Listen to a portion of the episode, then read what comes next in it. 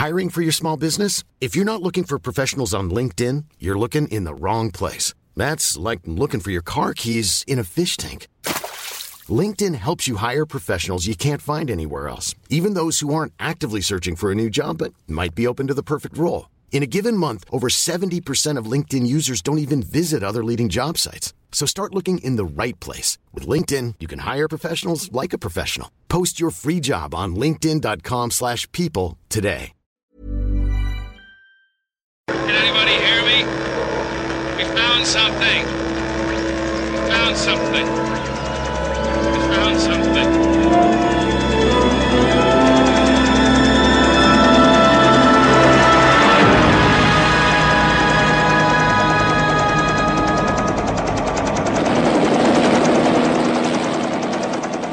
Twelve men have just discovered something.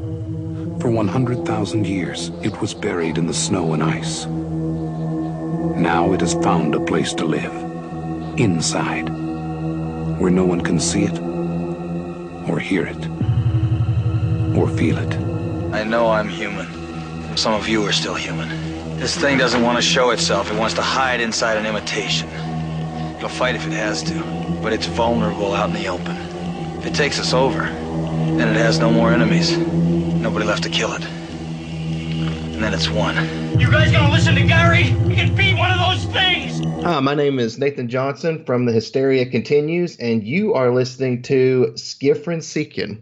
Välkommen till skräckfilmscirkeln och eh, framförallt en god fortsättning så här i början på 2019. Idag ska vi kisa runt och skrika oss hesa när vi ger oss in i ämnet monster och dess bakgrund. Samtidigt så blickar vi upp och ut i rymden när vi granskar filmen The Thing, remaken från 1982. Jag, som är din värd, heter Patrik och tillbaka från en julig ledighet eh, har jag med mig den ryslige men vänlige skräckfilmsvärden Fredrik. Har du lyckats väcka ditt inre monster? ja, det är väl alltid slumrande som ligger och lurar. Ja, jag har, jag har spenderat jul och nyår med nära och kära och en hel del film. Alltså mer än väntat faktiskt. Ty tyvärr så är det, det mesta eh, familjevänligt. Du vet när man umgås Ja, ja. med släkten och så. hur, hur har din jul varit? Jo då, men det har också varit släkt och vänner och mycket julbord och sådana trevligheter. Så det, det har varit en riktigt trevlig jul och nyår här. Har det blivit en massa film för dig då? Lite film har det väl blivit. Det har väl varit de här typiska julklassikerna förvisso. Eh, Vi såg eh, Ivanhoe där direkt efter nyåret. Det går ju alltid första januari. Ja, och den missade jag. Alltså. Just De har väl sett det klassiska, Karl-Bertil Jonsson har vi alltid sett. Kan du vissla Johanna och de där som går precis på själva julafton. Ja, Men annars så har jag försökt eh, blanda upp med lite annat film. ja. Eh, har du nå- nå- något du har sett här eh, senaste veckorna? Jo, då har jag sett det. Jag fortsätter med mitt startsträckande. För det är så vansinnigt mycket säsonger eh, att se. Men eh, där, eh, ibland, alltså de har ju olika teman. Star Trek är ju som Star Trek är, alltså ofta science fiction, ja det är ju science fiction uteslutande. Men mycket filosofi och diplomati. Men ibland så dyker det upp även liksom skräckeska teman även i Star Trek. Nu ett av de senaste jag såg, jag så sent som idag, ett avsnitt som heter The Game. Då den här unga killen Wesley Crusher, som är väl den som är minst uppskattad som karaktär utav fansen till The Next Generation. Men han har varit iväg på The Starfleet Academy och kommer nu tillbaka till eh, The Enterprise. Är det typ en, eh, alltså en vanlig skola eller militärutbildning? Alltså det, det, federationen är ju militariserad. Men det här är ju liksom Eh, för deras eh, mest briljanta studenter är det väl. För han är ju löjligt intelligent den här Wesley Crusher. Och, eh, när han kommer tillbaka så är det kul att träffa alla gamla vänner, Picard och company. Men parallellt med det så är det något spel som har börjat bli populärt. Varav titeln på den här episoden, The Game. Och det är någon sån här, ser ut som någon form av glasögon, så det är någon form av virtual reality-spel som man eh, sätter på sig. Eh, och det, men det är nog lurt med det där spelet för det triggar tydligen eh, ditt, liksom belöningssystemet i hjärnan så folk blir beroende utav det. Och i slutändan så är det ännu större konspiration för det finns ju en illasinnad person bakom allt detta.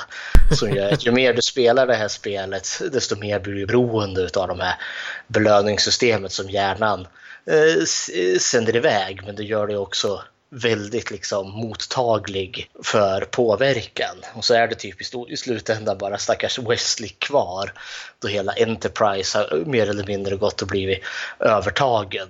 Eh, och alla försöker liksom tvinga honom att spela det här spelet. Och det, på, och det påminner då väldigt mycket om sig som The Invasion of the Body Snatcher med något liknande. Det känns nästan som de har haft någon typ av hyllning till de där filmerna i det, i, det, i det avsnittet. Jo, ja men det är säkerligen. För det, det är ju en cool tanke om inte annat. För det är ju det här skrämmande att förlora det som är, är du.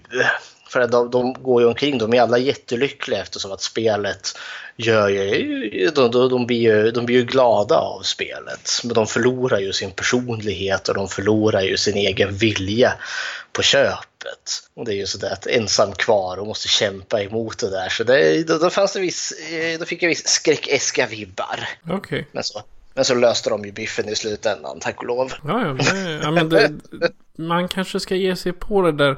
När, när jag kollade på Star Trek så var det mest eh, ja, TV3 eller kanal 6 sände så här repriser på dagtid. Du vet när man var förkyld eller liksom bara skulle ha tvn på. Det, det var liksom Star Trek för mig.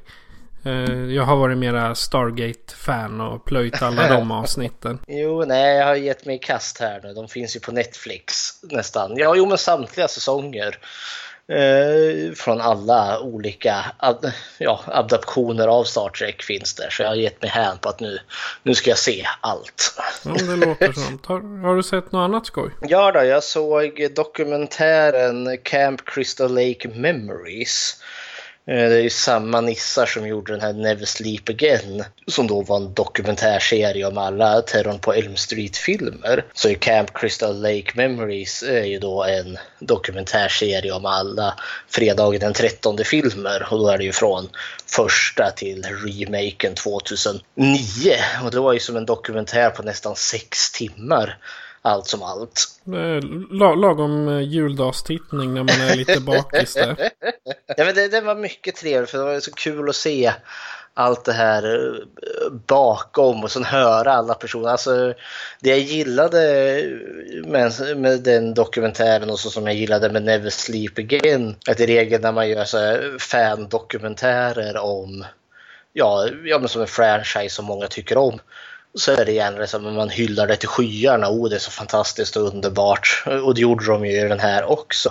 Men de tog ju också upp allt som har varit problematiskt och när de har strulat med producenter och regissörer och skådespelare som inte har funkat med varandra. Ja, men jag gillade det, för det ger en liksom känsla av autenticitet. Sådana här alltså bakom material jag brukar hitta på DVD där liksom alla beskriver att det bara var en fröjd och alla kom så väl överens och det var helt fantastiskt att göra den här mm. filmen. Då känner jag bara, äh, skitsnack.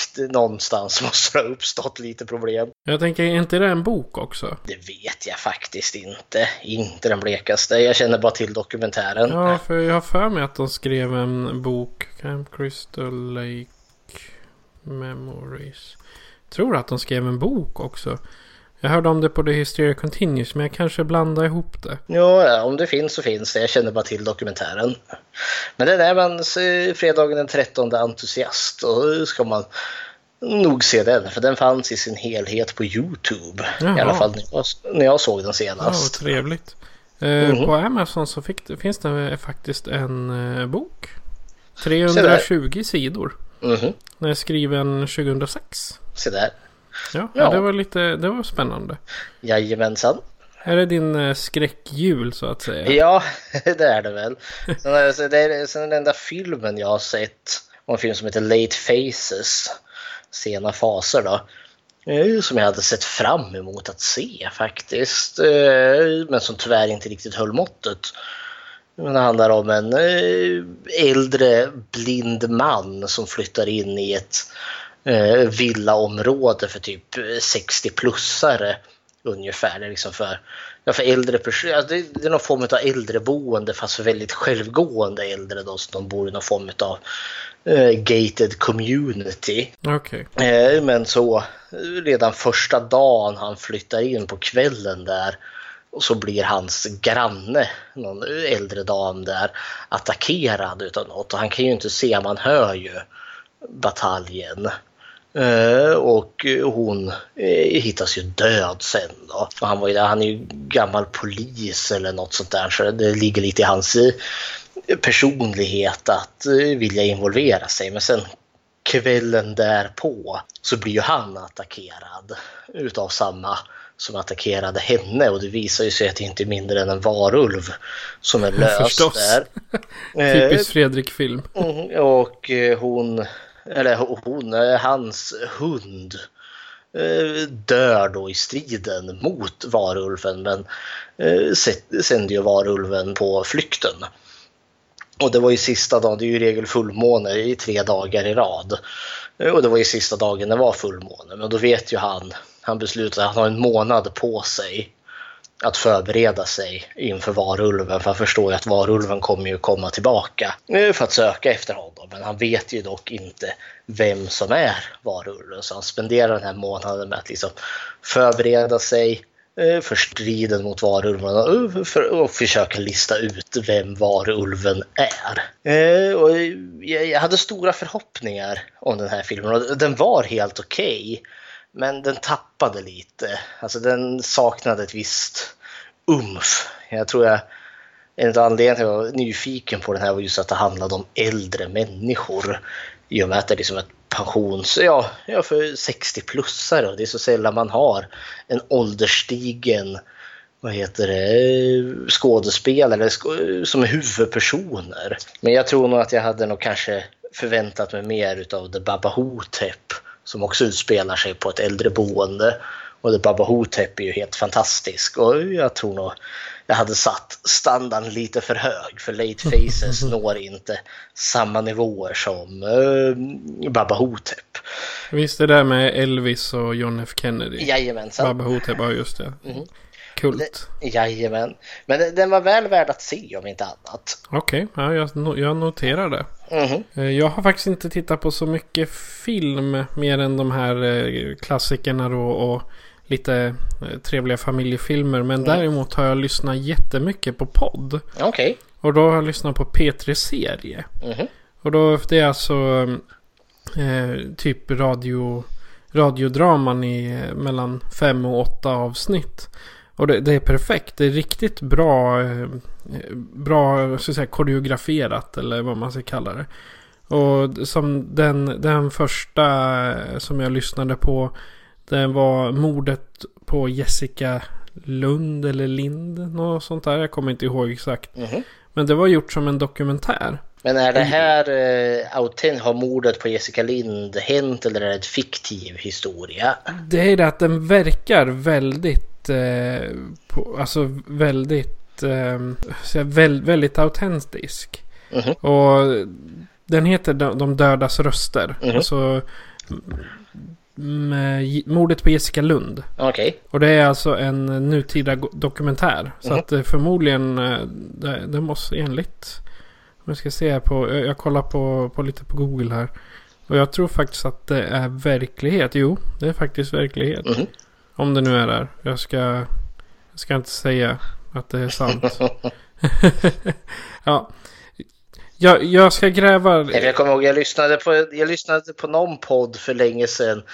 Eh, det var så svenska mord eller vad det nu hette. Mm. Eh, och jag var så besviken på för jag, jag behöver att det ska, vara, det ska vara äkta vara. Jag behöver true crime, det är true crime-nörden i mig. Och då var det någon som berättade, kommer jag ihåg, eh, för jag lyssnade på första avsnittet i tron om att det skulle vara sanna brott. Och det var någon historia om någon polis som hade blivit eh, förföljt någon kar och så hade han blivit kidnappad utav nämnda galning och nertagen till något eh, hemskt gruvtag där, där han hade sina offer och så hade han blivit tvingad att mörda den här kvinnan som den här seriemördaren hade där. Och jag kände men herregud, gud, det här är ju så osannolikt. Vad är det här för fläskigt mordfall? Varför har jag aldrig hört om det här förut? Och så visade det sig att det var ju bara hittepå. De hade ju gjort liksom en deckarberättelse och då vart jag så besviken så jag bara la ner ögonen bums. Ja. Nej, jag, jag kollade upp det här nu och det är, eh, den, är, den är inte verklig utan det är en, en historia. Som de har gjort så att det ska vara som en dokumentär.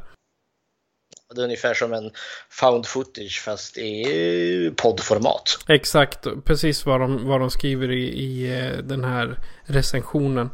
Eh, Men det, det jag tyckte också var fint var att efter den. eh, För först så trodde jag att den där Je- Jessica Lundmordet att det var verkligt. För det var, det var, det, det var riktigt bra gjort. Sen, året, sen serien efter, fem avsnitt, då utspelade det sig 2033. Mhm. Så då var det liksom Nej, det var inte riktigt. det, var, det var samma som för dig att du, du liksom Nej, det var inte true. Det var inte sant. Nej.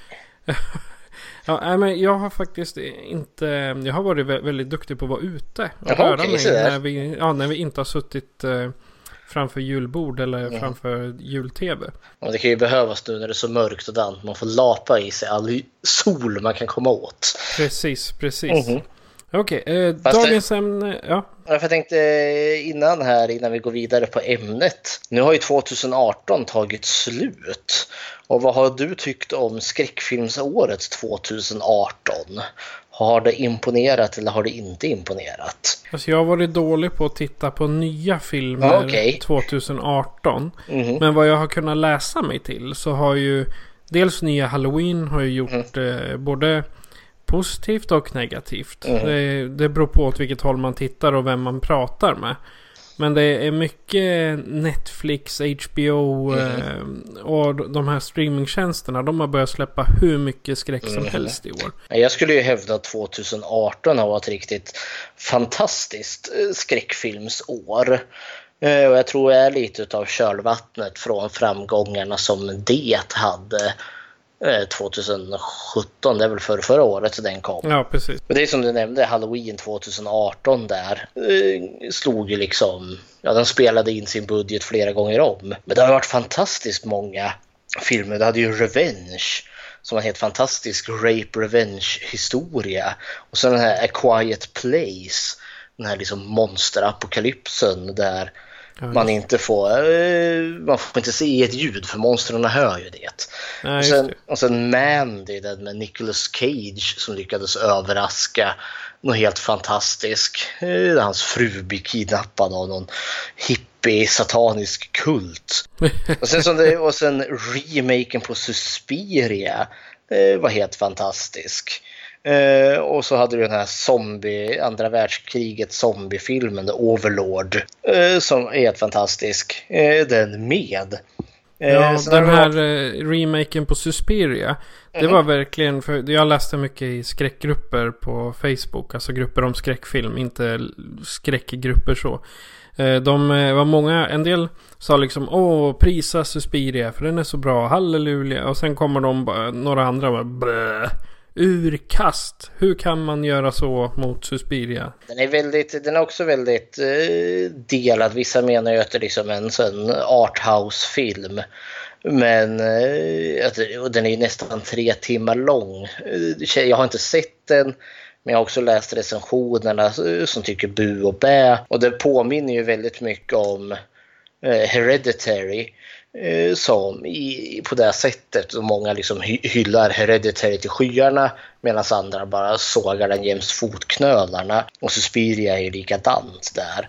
Och det är ju lite typiskt eh, skräckfilmsgenren. För jag menar, som, vi kan ju ta i stort sett vilken film som helst som, eh, som jag älskar. Och du, du liksom bara, med den jädra skitfilm helt enkelt. Och sen samma, för särskilt de här di- diskussionsgrupperna så ser man ju klart och tydligt vilka som är emot. Och vilka som är helt bara, yay, bästa filmen någonsin. Jag tänker vara lite elak här och säga att filmer som Suspiria och Hereditary eh, var en sån som krävde lite mer av sin publik. Jag tänker vara fördomsfull här och säga att de som älskade The Nun, som bara var baserad på jump scares och ingenting annat, skulle avsky en film som Suspiria och Hereditary för att den är ju mer liksom ett eh, krypande psykologiska draman om mänskligt vansinne. Eh, det, det är kanske lite snobbigt, men så är det. Jag, jag, jag, tror då 2018 blev ett det här året, precis som vi pratade om ganska tidigt när du, när du hade varit och tittat på Halloween. Liksom, att det blir ett, en sving för eh, ska jag säga, skräckfilmen igen. Mm. För den Gud, riktigt ja. blodiga skräckfilmen. Jag menar visst, det har varit mycket found footage och sådana här psycho-horror och våldsporr. Men det, det, är inte skräck enligt mig. Mm. Inte den skräcken som har varit för 20-25 år sedan när det var mycket blod. Det var maskerade mördare och så vidare. Mm. Ja, typ när Scream är väl den sista sista slasherfilmen, eller sista riktiga slasherfilmerna innan Halloween kom förra mm. året. Egentligen enligt, min, eh, enligt vad jag anser. Mm. Menar, om det ska vara lite kvalitet. TV, menar du Scream TV-serien då eller? Nej, nej, nej, nej, filmerna. TV-serien okay. var ju liksom bara för att casha in på namnet. Ja. Även om den, den var inte dålig så. Nej. Men det var ju i stort sett bara att de tog eh, tre filmer och gjorde en tv-serie av den. med barnen till de som var med i filmerna. Jajamän. Ja, jag skulle väl säga att eh, 2018 enligt mig i alla fall bästa skräckis var då The Annihilation som kom då Netflix Exclusive som då är en sån sci-fi skräckfilm det var en riktig filmupplevelse tyckte jag. Eh, så ska man bara se en av alla dessa 2018s samtliga filmer så tycker jag att det är då Annihilation som man ska se. För den var helt magisk. ja, det förstår jag. Mm -hmm. Okej. Okay. Dagens ämne är monster. Mm -hmm. Och eh, som inledning till det så har vi satt ihop varsin eh, topp tre monsterfilmer. Jag tänkte att du får börja. Min nummer tre, då valde jag Slither. Den kom väl 2006, 2007 någon gång där tror jag. Eh, som jag tyckte var en helt fantastisk. Eh, det är ju en monsterinvasion egentligen. Det är väl en liten klutt från yttre rymden som dimper ner i någon liten sömnig småstad där ute i skogen.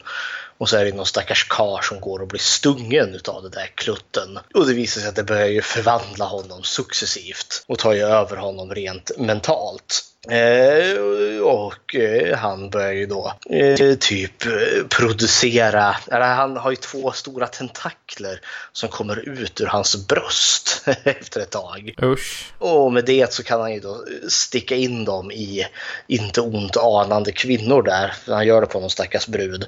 Och hon blir som någon form av gigantisk livmoder då som bara producerar ofantliga mängder så liksom rosa köttaktiga eh, sniglar ser det ut som och de i sin tur ger sig ut och eh, smittar folk. Alltså de kryper ju in i din mun och så besätter de dig. Eh, och ju längre tiden går desto mindre människa blir han. Alltså han blir mer och mer ett tentakelförsett monster och alla som blir över, övertagna av de här eh, vad heter det, sniglarna eh, får ju han någon form av mental kontroll över. Och i slutändan så visar det sig att alla de där håller på att smälter samman med honom i mitten. Oh. Så att allt är en stor vidrig jävla köttklump bestående av förvridna människor och liksom tentakler som sticker ut och dit och det är väl det som är det här utomjordiga monstrets plan. Den ska utplåna allt liv och allt ska bli ett med den här enda stora vidriga köttklumpen. och den Nej. tyckte jag var helt fantastisk. alltså det, det den, den låter helt fantastisk. Men jag ska mm. säga så här, det är ingenting för folk med känslig mage kan jag tänka mig. Nej, alltså det, det, grejen är att den är väldigt humoristisk. Det är en skräckkomedi.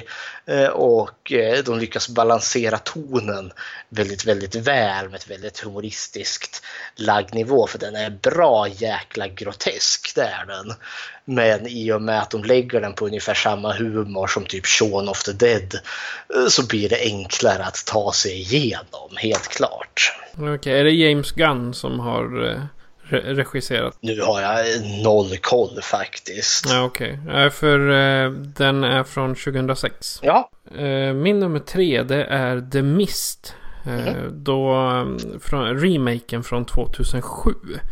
Och det är Ja. väl dels för att jag, jag gillar eh, Stephen King. Mhm. Och där har forskare lyckats öppna någon form av interdimensionell reva. Som har börjat släppa in lite hemska varor, varelser i världen. Ungefär, jag, tycker den är lite lik Dawn of the Dead. För de låser in sig i ett varuhus. Mhm. Och man, den är ju, alltså själva handlingen är ju lite, ja, oj det är så synd om oss, och det är drama, drama, drama. Men jag kan tycka att man skulle kunna använda den i typ en diskussion om gruppdynamik, grupproller och så vidare. Det, istället för att roas av filmen så satt, så att jag tittade och räknade upp vilka roller alla karaktärer hade. Mhm. Och 2017 så kom ju Netflix ut med en serie baserat på den. Mhm. Och den är faktiskt helt okej också. Det, men just eh, The Mist gillar jag. För att eh, ja, det, det är i originalet som är från eh, 50-talet någon gång. Där är det ju gigantiska monster i, ja, som kameran har filmat jättenära. Som eh, ger sig in på en stad i dimman och äter upp folk. Jag menar, Eh. eh, nu måste jag... Eh, serien den här, The Mist. Mhm. Du sa, vad sa du, filmen var från 80-talet? Nej, 2007. Jag tänkte väl, jag, ty- jag tyckte du sa 80-talet som att det var John Carpenters The Mist. Ja, nej, nej. Det, nej, The Fog heter väl Ja, den och The. Fog heter den ja. Och The, The Mist, eh, eller Dimman. Originalet är ju från 1980. Nej, det är The Fog. Ja, nej, Dimman det är The Mist 2007. Men under svensk namn så går The Fog från 1980 med Kurtan, Jamie Lee Kurtan bland annat. Japp, Den går under samma svenska namn. jaha, så där. Så det är därför man lätt blandar ihop dem. Ja, och din nummer två. Min nummer två är då Pumpkinhead. Eh, som jag tycker är en fantastisk och lite lätt, eh, eller ja, jag kanske inte är så bortglömd i skräckfilmssammanhang, men det är onekligen en kultrulle. Och den är gjord då 88 med Lance Henriksen i huvudrollen. Och det är ju Lance Henriksen, det är han som är roboten i Alien 2, eh, för att vara exakta. Eh, och eh, den gillar jag mycket för att den har så fantastiskt imponerande specialeffekter och det är inte så konstigt när det visar sig att det är Stan Winston själv som har regisserat den och Stan Winston han gör ju mest specialeffekter. Det är ju han som har gjort Xenomorphsen och The Terminator och dinosaurierna i Jurassic Park och, och liknande. För storyn i Pumpkinhead är väldigt slentrianmässig egentligen för det är ett gäng tonåringar som eh, blir förföljda av ett otäckt monster av i namn Pumpkinhead. Eh, men det är just att det är monstret i sig. Herregud, alltså den är gjord 88, den lågbudgetrulle, men monstret, The Pumpkinhead, han har sån rörelse, han har sånt uttryck i sitt ansikte. Det är liksom en fröjd att se odjuret tycker jag. Så eh, därför blir det min nummer två, Pumpkinhead från 1988. Ja, jag, jag, kollade på lite alternativa titlar till den. För jag kände igen plotten och det som jag har sett den under det är Vengeance, the Demon. Mhm. Så förmodligen eh, har det är många, många länder som har eh, tagit bort Pumpkinhead och använder typ Hämndens Demon eller något sånt där istället. Mhm. Så, så jag vet inte, är, är det eh, hämnas han i filmen? Det, jag Så- kommer inte riktigt ihåg. Han används ju som ett, han går ju en deal med en häxa, Lance Henriksen, för att ta hämnd på de här ungdomarna och då frammanar ju hon demonen The Pumpkinhead. Okej. Så, så han är ju i regel ett redskap för folk som ska utkräva hämnd på någon. Men hämnden har ju sitt pris. Så eh, det är inte alltid genom enkelt. Nej. Eh, Min nummer två det är Cloverfield från eh, 2008. En eh, found footage-film. Eh, Och då är det en av karaktärerna där har fått en jättestor befordran så han ska få åka utomlands. Och då är det på en fest där alla kompisar får göra videohälsningar Mhm. som de ska ge till honom då. Och sen då som med alla andra eh, katastroffilmer så går allt åt helvete. Och i, i och med en jordbävning så kommer ett stort monster upp som försöker äta upp alla. Och i, jag läste på IMDB, och teorin där är att monstret är ett barn som letar efter sin monstermamma. Mhm. Så found footage, just my taste. Men den, är väl, den har väl också, så det, det är så mycket teorier kring The Cloverfield. Ja. Det där att monstret letar efter sin mor, det, det framgår ju inte i filmen va? Nej, Utan nej, så nej, det gör det inte. Nördteorier sen och det stämmer väl i slutändan. För, för sen kommer ju den helt fantastiska 10 Cloverfield Lane, uppföljaren till den här. Som vid första anblick inte ens känns som att det borde vara en uppföljare eftersom att det handlar om någon brud som blir fast i en bunker med någon sån Doomsday Prepper som är helt vansinnig. Men i slutet när hon tar sig ut, ja då är det ju bevisligen en utomjordisk invasion på gång. Ja, för en vanlig, en vanlig fråga som ställs på, på IMDB är Är de små varelserna parasiter? Eller är den större, eller är de stora monsterbebisar typ? Ja, ja, ja. I sådana fall hur stor är då modern? är ju undran. Ja, exakt. För frågan, den, den ser man väl aldrig? Monstret? Alltså, Nej, det, det, alltså det, det är stora nej, monster så att det är säga. väl bara det där, det där ena monstret. Sen är det ju lite parasiter som den tappar har jag för mig. eh, Som de springer på nere i tunnelbanan vid något tillfälle. Så är det ju typ Ja, som är monster som är typ räcker dem upp till knäna ungefär som springer omkring som typ stora skalbaggar ser de ut som. Så jag tolkar som att det eventuellt kanske typ är löss som har setat på det här större monstret då. Ja.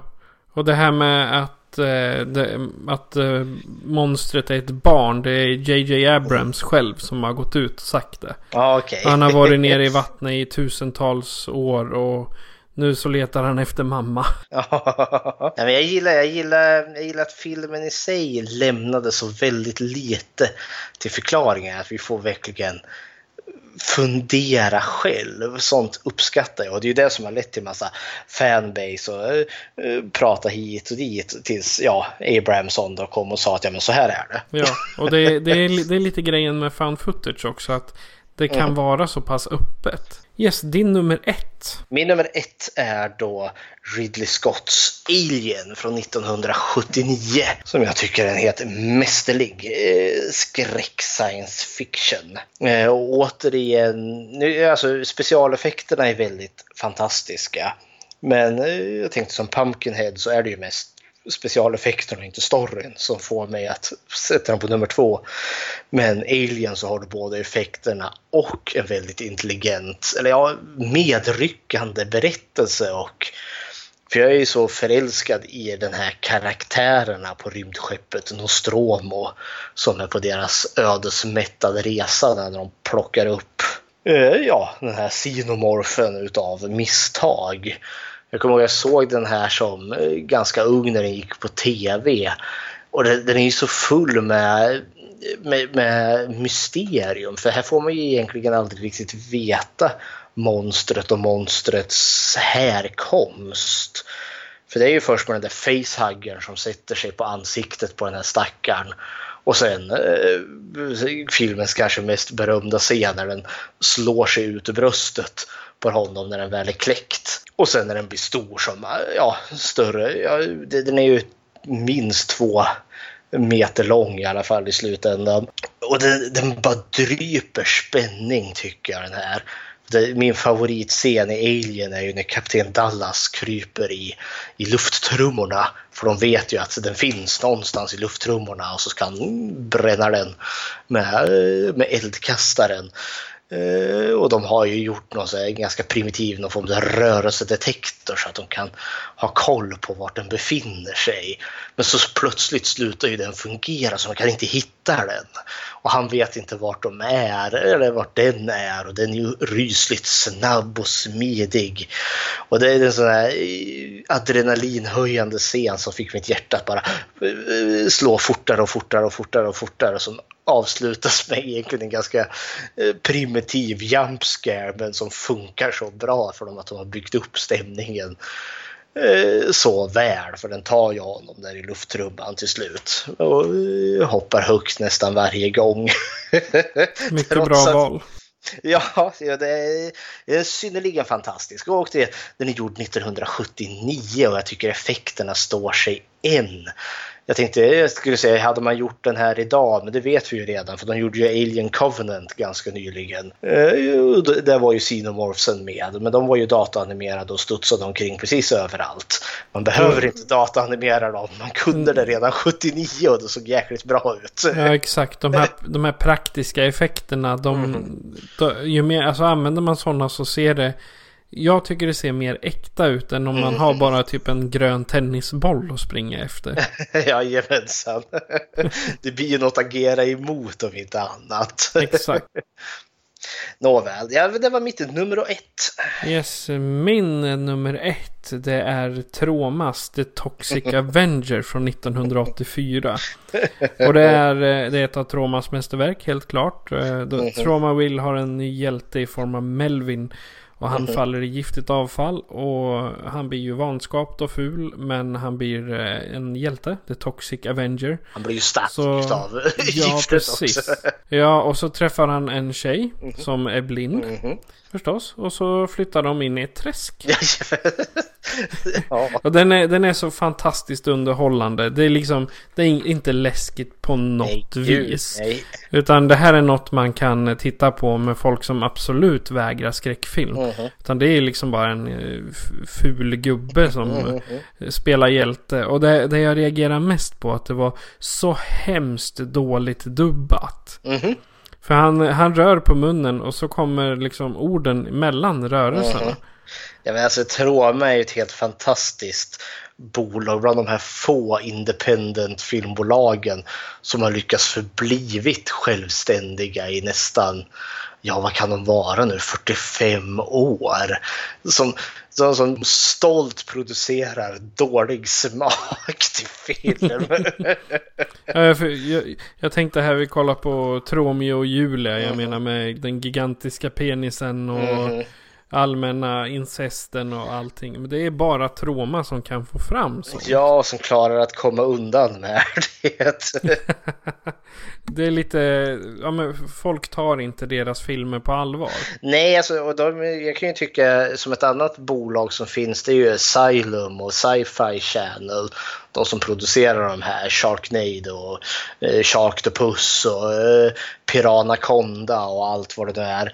Eh, och det är ju liksom, det är också filmer som är, inte alls tar sig själv på allvar. Men var jag tvungen att välja mellan Asylum och, och Troma så väljer jag Troma alla dagar i veckan. För det är mycket mer underhållande än Hajar i en tornado. Ja, nej men tro, Troma är något jag jagar extremt mycket till min samling. Eh, för det, det, så är det någon som vill skänka lite Troma-filmer, varsågod och kontakta oss. skämt åsido. Eh, det var min nummer ett. Så att eh, det var våra monstruösa topp tre. Jajamensan. monsterfilmer då. Och vad gäller monster i sig så är det, tycker jag, det är en smått diffus benämning på vad monster betyder. Men eh, som, om jag förstår det rätt då så har du samlat ihop lite eh, fakta om Jag monster. har ju det. Jag har försökt. Det är precis som du säger, att monster är ju ett jättestort samlingsnamn. Jag menar, vi, jag menar, vi har ju gått igenom vampyrer och zombies och varulvar och spöken och allt det faller ju in under monster. Det med, det är ju bara att just de här monstren är ju liksom namngivna av sin egen specifika mytologi och är så pass populära så att de är liksom som sin, som sin egen genre. Men då eh, har jag lyssnat mycket på Historiepodden för de hade ett helt avsnitt där de vigde till just monster då, där de tog eh, för jag hade en gästföreläsare som heter Bo Larsson. Eh, och han är ju då en professor som då har liksom avhandlat eh, just ämnet monster. Så han hade ju jättemycket spännande att komma med. Så jag, jag har liksom snappat upp lite där vad han har då forskat fram till. För han har ju tittat liksom väldigt långt bakåt i perioden och framåt då och lyckats gjort någon form av röd tråd där. Och han tyckte man skulle börja med själva namnet monster, vilket då är latin som för monstrum eller monstrarum. Och det ska ju då betyda typ visa sig, varna, det, att det är någonting dåligt som är på väg, alltså ett dåligt omen. Eh, och det var väl så man förr, eh, för, förr så såg man väl det liksom som att det var det som var avvikande. Se om du, det föddes ett, eh, en kalv med två huvuden eller ett barn som föds med en missbildning. Det är någonting som sticker ut. Då är det ett dåligt omen. Det där kalven eller det där vanställda barnet, ett monster. Det är ett, en förebråelse av någonting dåligt som komma skall. Eh, och det, det, kan ju kännas, eh, jag, jag blir lite illa till mods när jag hör att man såg, som jag säger vanskapta barn och personer som att aha, där har vi ett monster.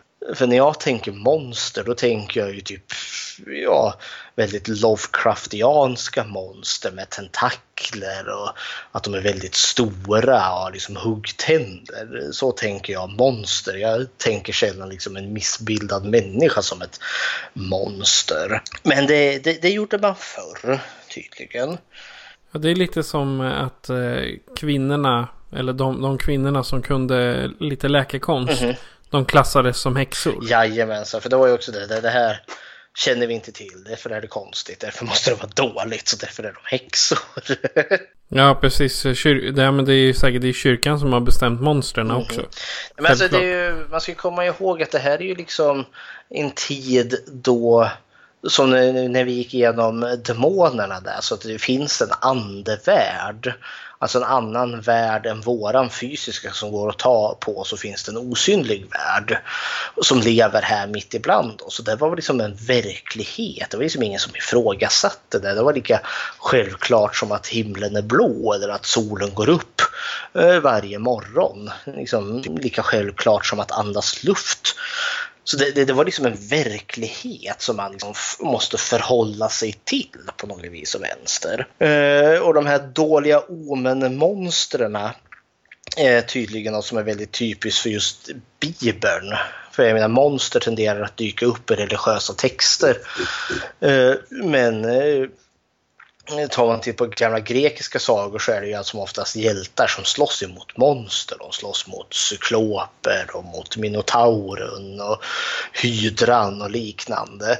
Men i Bibeln så har du ju inte sådana liksom hjältesagor. Det närmaste vi kommer där är väl David och Goliat.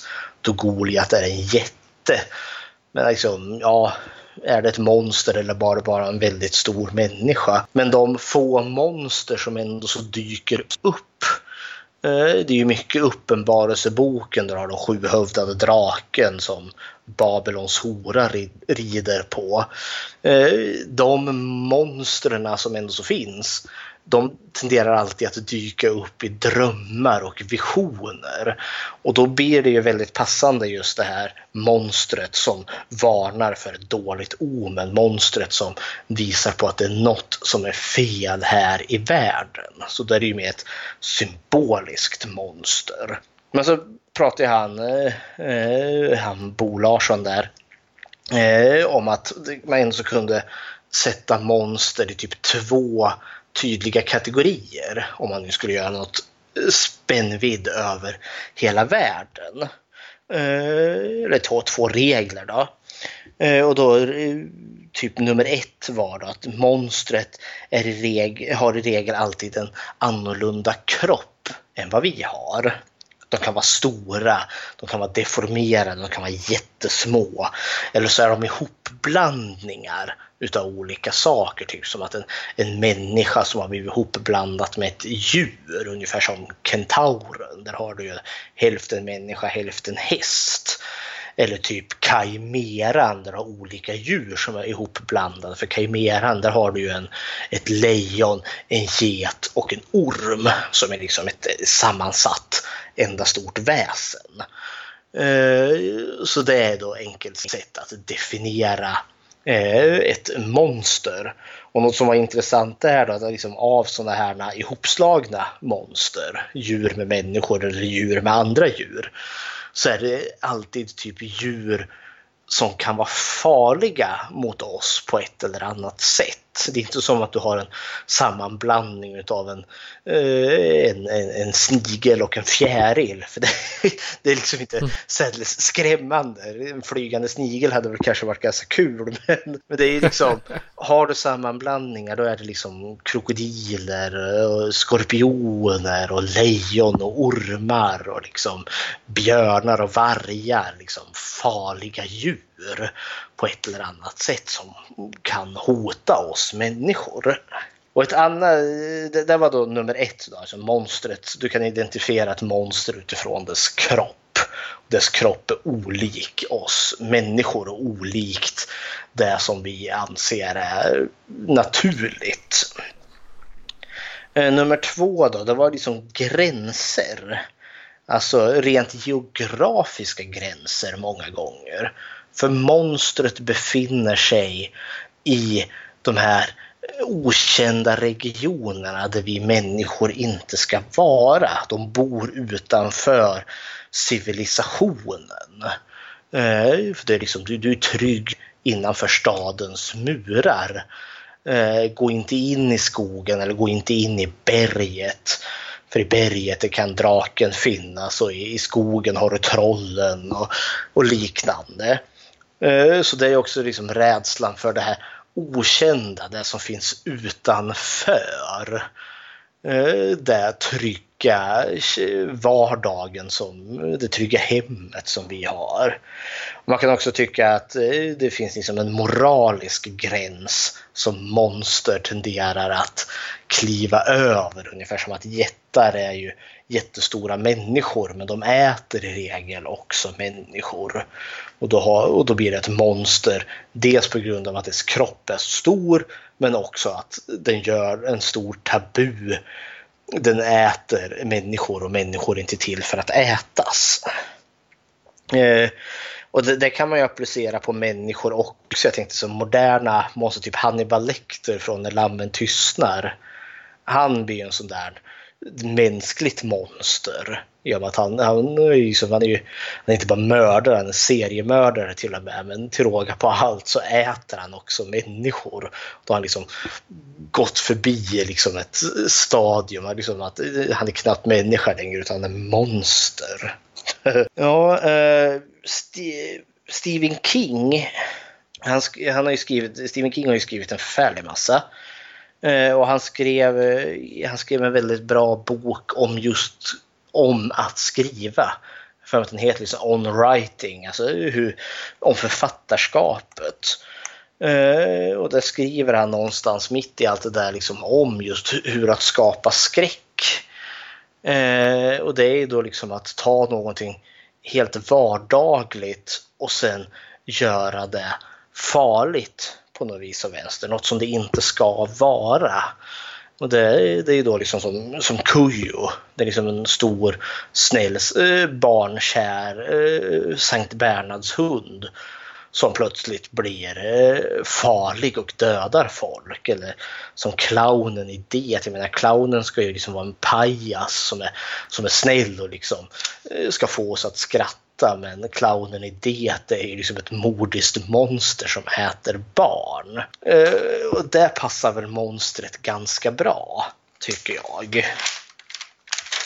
Ja, hur tänker du när du tänker monster överlag? Alltså jag tänker monster, då är jag eh, nere på den här li lite som folk tror att så fort någonting är farligt så mm. lär man ut att det är ett monster. Mm. Så typ näck tecken. Mm. Det, är ju, det är ju inte ett monster men det är en varelse som ska lura dig ner i vattnet mm. så att du blir, ja. Men eh, skulle det kanske, alltså, ta Storsjöodjuret. Mm. Egentligen så är ju det en, eh, alltså om, som jag tolkar det så är det en sägen för att hålla typ vildar eller eh, vikingar eller vad som helst borta från Storsjön. Mm. För någonstans i Storsjön fanns en viktig handelsled eller om det fanns ja, vad som helst. Kanske fanns en hemlig ö där de förvarade allt guld.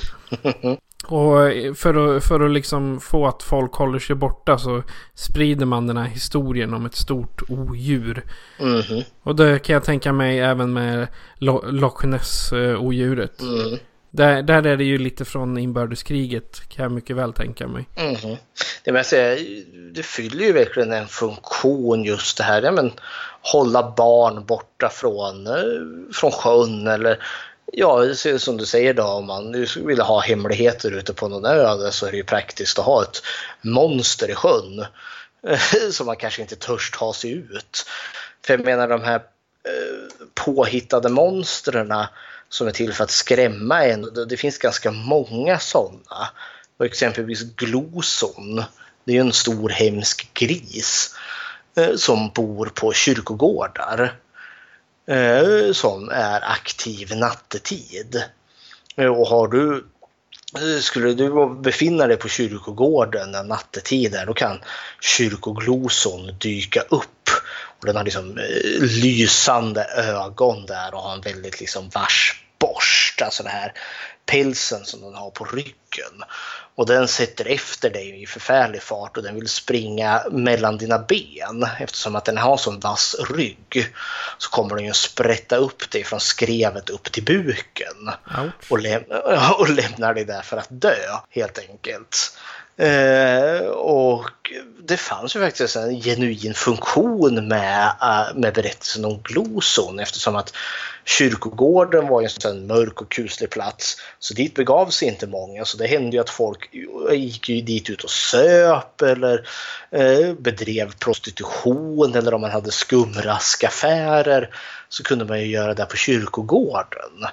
Men slår man då i liksom berättelsen om Gloson som ligger där och lurar eh, och liksom bokstavligen kan sprätta upp det från skrevet till buken. Det, så vill man ju inte dö. Mm, så då, så då, då, då vill jag kanske liksom för att stävja detta. Eh, bland annat. Men sen tänker jag också, som de tog upp här, liksom att de här monstren, om vi ska ta Storsjöodjuret eller Loch Ness-odjuret, en viss funktion kan ju vara så, jag menar folk drunknar och dör. Det är sånt som händer. Även erfarna liksom, fiskare och eh, folk som är väldigt duktiga på att simma händer ju att de går bort, går sig förlorade i, i sjön och i havet.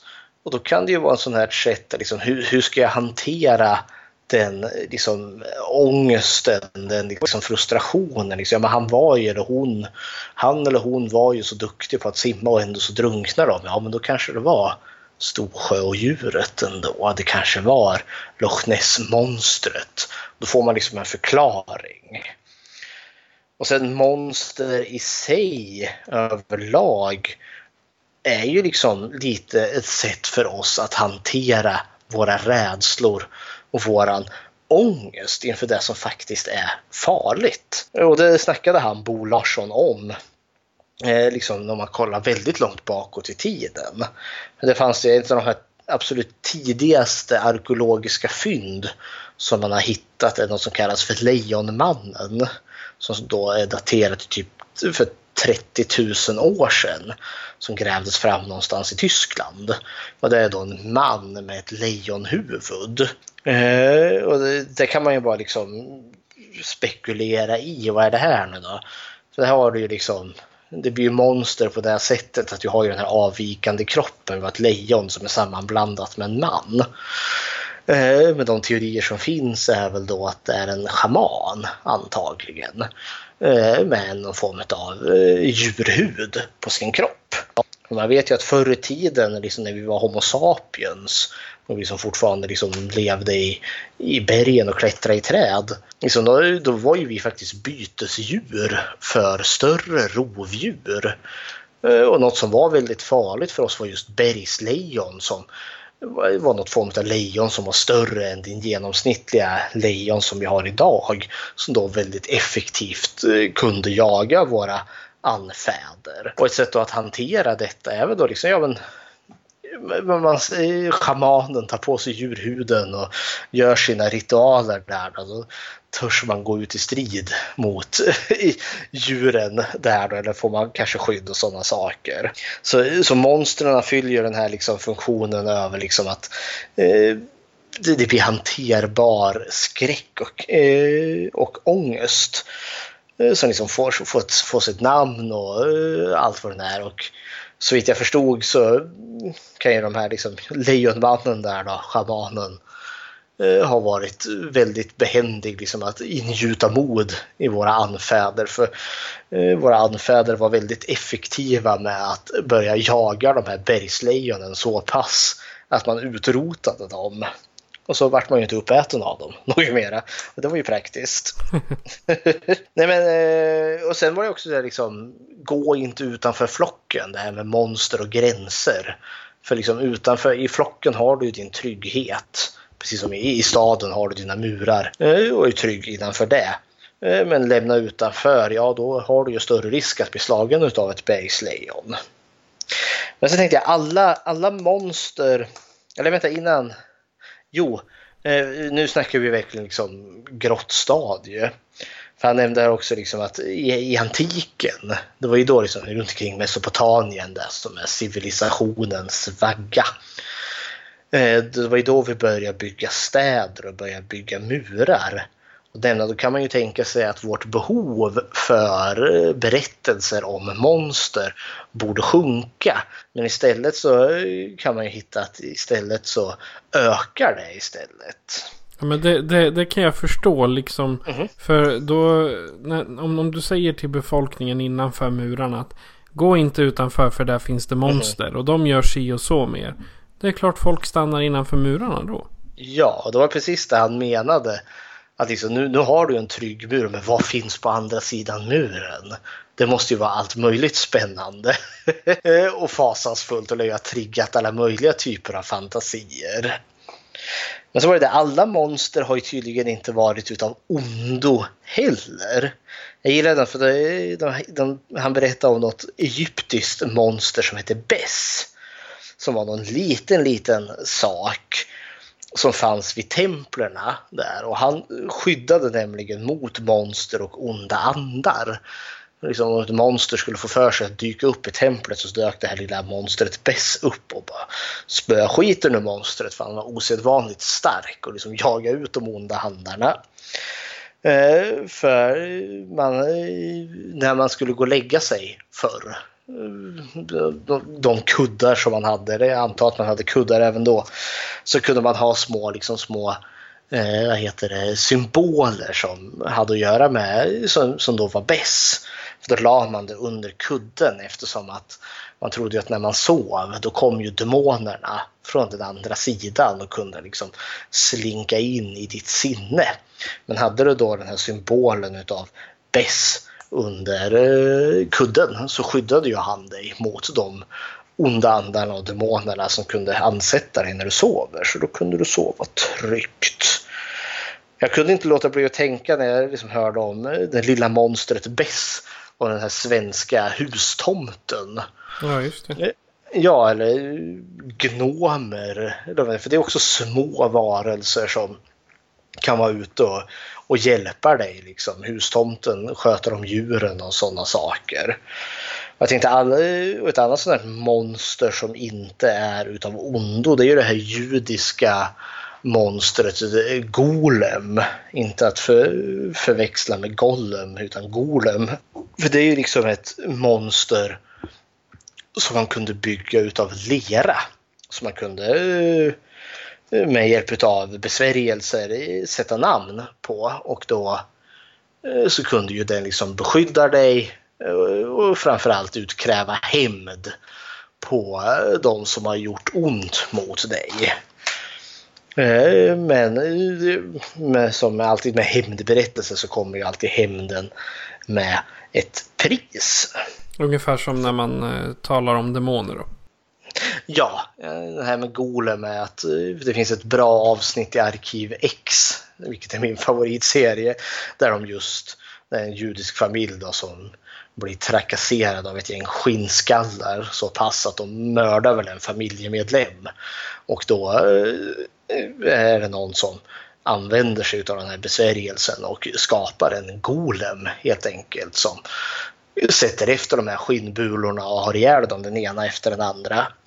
Men sen är det den här golemen, den ser ju ut som den här döda familjemedlemmen. Och problemet uppstår ju liksom när, när, den, när den har liksom hämnats klart. Det finns inga mer för den att döda. Då ska man ju göra någon ritual så att den ska återvända. Men han, det ser, det ser ju ut som han. Det är ju liksom våran gamla kära liksom, vän eller bror och son här. Så då vill de inte riktigt göra det. Men Golem i sin natur är våldsam. Eh, så då börjar ju den slå ihjäl familjemedlemmarna istället. och då, ja. Eh, så, så, så det kunde vara problematiskt. Så det är en nödlösning. Försök hitta andra sätt att besegra nazisterna på än att skicka golems på dem. Det är också väldigt smidigt. ja, kära någon. Eh, nu ska vi se.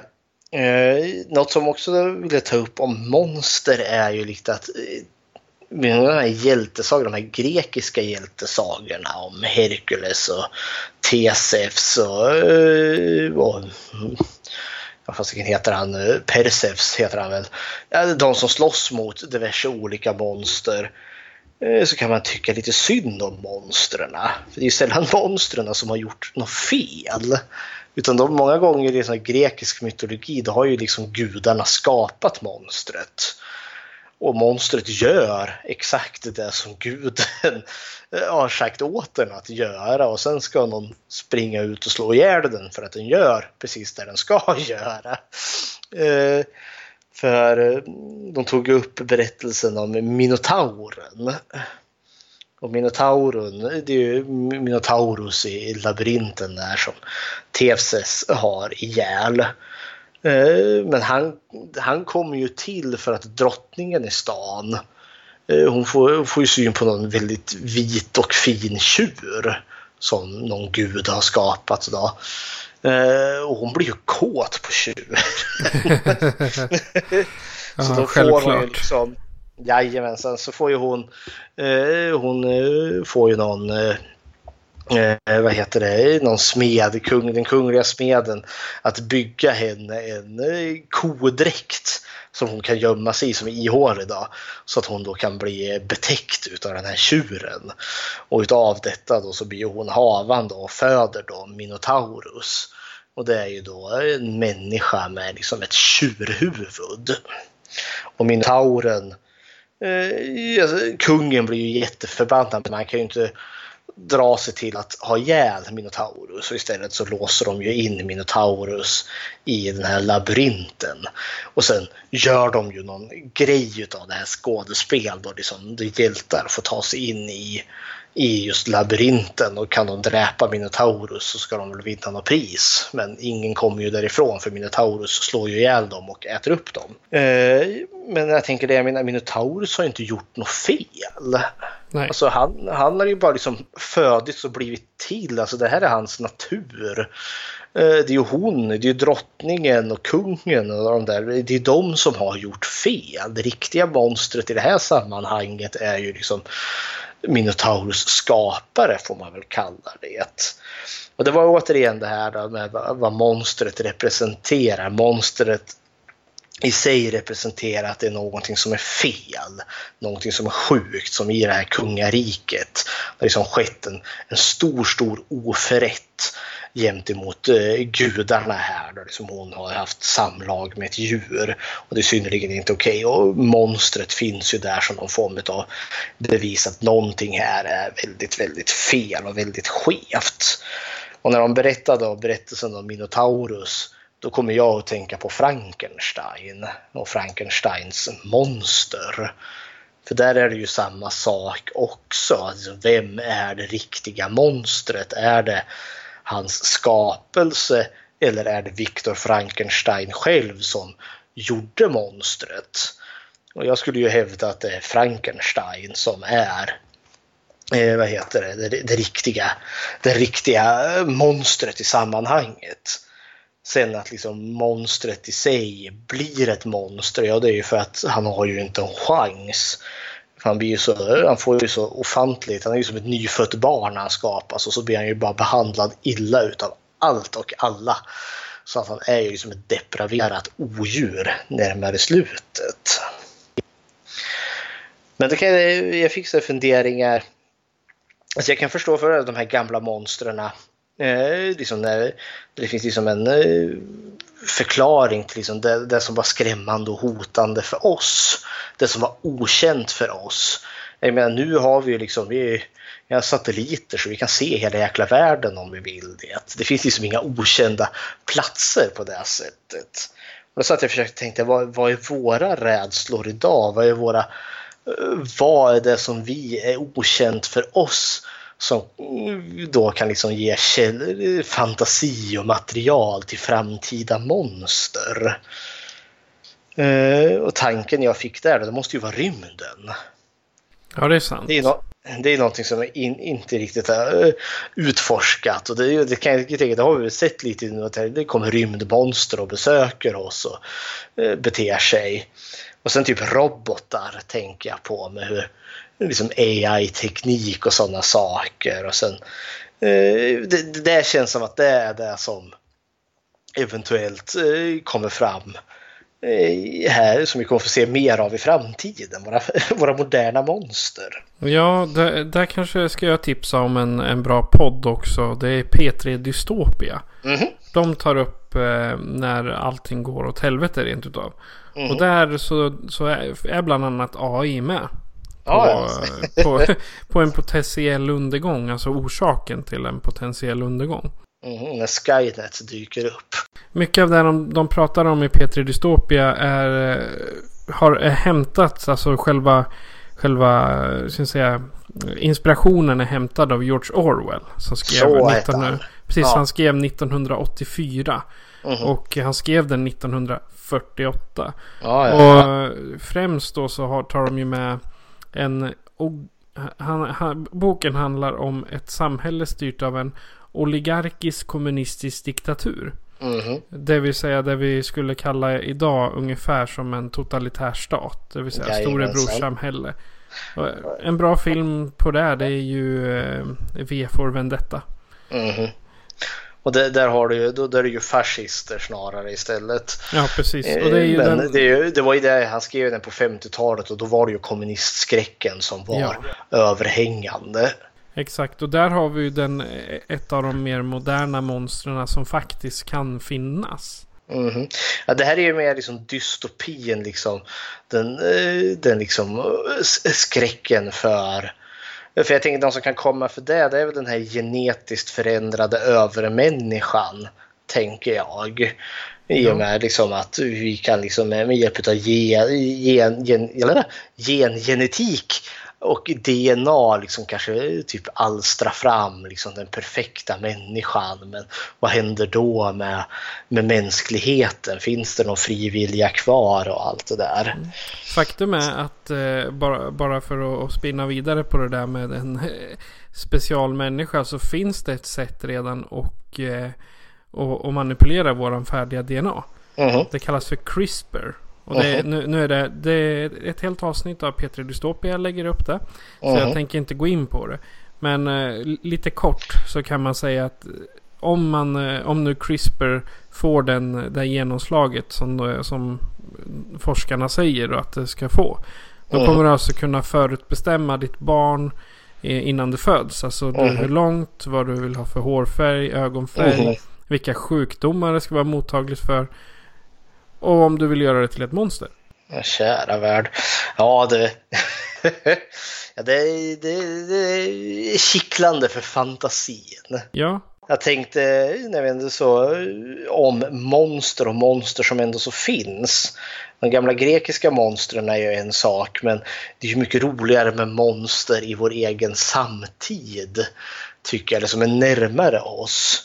Eh, och då tänker jag liksom vad är det för monster som eh, liksom har letat sig in i vårat eh, allmänna medvetande som inte är varulvar och zombies.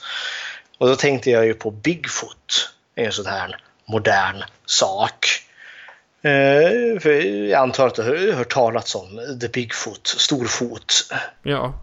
Ja, för det är också sån här ganska ny jag gjorde en sån liten eh, snabb eh, Google-sökning på honom och insåg att liksom, det var tydligen från 1800-talet och framåt i skogarna i USA och Kanada som eh, myten om Bigfoot uppstod. Och det är liksom folk som har sett liksom så apliknande varelse i, i skogen som klumpar omkring. Eh, och det, det, så, sånt här tycker jag är kul. För jag brukar lite, ja, lite deprimerande säga att jag tror inte på Bigfoot men jag vill tro på Bigfoot. För att livet blir så mycket mer spännande och roligt. Det var ju sånt här att jag liksom gillade och trodde på liksom när, jag var, när jag var barn. När det liksom var så kittlande med tankar. Tänk om det finns någon sån stor apliknande varelse som springer omkring i skogarna som är väldigt svår att få tag i. Och jag menar, Bigfoot i sig har ju liksom gett till upphov till massvis inom populärkultur och liksom skapa lite myter och mysterium. Och för den som är intresserad så kan jag ju rekommendera att kolla på det som kallas för Patterson Gimli, eller jo, Gimlin-filmen, Patterson Gimlin-filmen, vilket ska vara en sån här liten kortfilm från någon eh, person som någon gång på 60-talet tror jag. Som då eh, var, han var en jägare eh, och befann sig i Bluff Creek och hade sin lilla kamera, sin filmkamera med sig. Och där då på långt avstånd ska han då lyckas eh, filma det som då tros vara en Bigfoot som klumpar förbi. Och det som är så lustigt med det är väl att det, det finns ju många så fake grejer. Det finns det här beryktade Loch Ness-monstret som sticker upp som visade sig vara en leksaksubåt som någon hade klistrat liksom huvudet på någon leksaksdinosaurie på. Mm. Men just den här Patterson Gimlin-filmen har varit väldigt svår att lyckas debanka, att lyckas avslöja att den är en, är en bluff. Så det kanske är genuint, tänk om, tänk om. ja, men va, va, varför inte? Skulle inte no någonting sånt där måste ju ändå vara typ äkta. Eller det, om inte annat så vill man att det ska vara det. Det kan ju vara sådär liksom, inom rimlighetens gräns, något så stort apliknande varelse som ändå så har levt i skogarna men kanske utdöda vid det här laget, vad vet jag. Men man tycker det liksom, fanns det jättestora liksom, människolikande apor som lever i skogen då borde väl de ha upptäckt, man borde ha hittat spillning eller ett kadaver från en sån där vid något tillfälle. Men ja, ja. Mm. Ett annat sånt där eh, notoriskt monster som dessutom har eh, figurerat lite på vita duken, det är ju kraken. Eh, den här gigantiska bläckfisken som drar ner, vad heter det, skepp till sin eh, död. Eh, den är väl mest kanske med i den här eh, Pirates of the Caribbean 2 är det väl. Där kraken dyker upp och förstör Jack Sparrows båt i slutet där. Men den är tydligen, det jag inte visste om kraken, den här mordiska i bläckfisk, är ju att den tydligen har ett skandinaviskt ursprung liksom i Norge och Danmark. Det är där liksom berättelsen om kraken tar sin början. Eller åtminstone sätts på papper för första gången. Det var en dansk teolog vid namn Erik eh, Pontoppian den yngre som skulle, som skulle skriva utförligt om Norges naturliga historia. Och det är något bokverk som kom ut 1752 till 1753. Och då skulle han ju skriva liksom om allt han eh, kunde hitta. Och där hade han ju då varit i samtal med en hel del fiskare och sjömän där. Eh, och där de berättade då just om berättelser om det här sjöodjuret, kraken sån. och det, tydligen så vart han ganska inspirerad för han vig liksom flera sidor åt just den här kraken då, som är den här gigantiska bläckfisken som antingen kom upp i egen hög person och drog ner hela skeppet eller som då låg och lurade på havsbotten och använde sig av någon form av eh, skapa en virvelvind av något slag så kunde han liksom skapa en malström och dra ner skeppet i djupet. Och eh, själva kraken så stor som man har sett på bilder eh, eh är, som kan liksom dra ner ett helt skepp. Det är ju liksom en bläckfisk som minst är 30 meter eh, i diameter. Det känns inte så troligt. Men det har ju ändå så kommit upp bläckfiskar som kan vara uppemot typ 10 meter i alla fall. Det utanför Japans kust har ju sådana liksom ploppat upp. Så då är det ju inte orimligt att det kan finnas jättestora bläckfiskar. En annan sån här som jag tycker är kul i, i, eh, i modern tid det är ju Chupacabran. Känner du till Chupacabran? Chupacabra. Jag känner igen namnet. El Chupacabra. Chupacabra. Det, det är en låt vet jag. Jag tror jag säkert. Eh, för det som är så kul med just monster och myter, det är ju lätt att tro liksom att det är, kra ja, men det är kraken eller Bigfoot. Eller så måste vi placera oss ännu längre bakåt i tiden, på den tiden då vi var sjukt mer vidskepliga än vad vi är nu. Men El Chupacabra eller bara Chupacabra, Getsugare. getsugaren, han har sin start 1992 då eh, en massa boskap gick och dog någonstans i Mexiko där då. Och eh, tydligen så var det här ingenting nytt. Det är antagligen bara en sjukdom eller något som slog de här djuren. Framförallt hästar då, eller hästjätter getter antar jag. Eh, för det hade tydligen hänt något liknande på, på, på 70-talet och då, började, då pratade man tydligen om El Vampiro de Moca. Eftersom att eh, det hände i en liten stad som hette Mocca och det var då vampyren i Mocca. Men så hände det igen eh, och då kom då berättelsen eh, om Chubacabra, eller El Chubacabra, som är något form av eh, Ja, ett monster som antingen liksom springer på fyra ben eh, eller som kan stå på eh, två ben. Då. Men den är ju sällan liksom längre än typ en meter.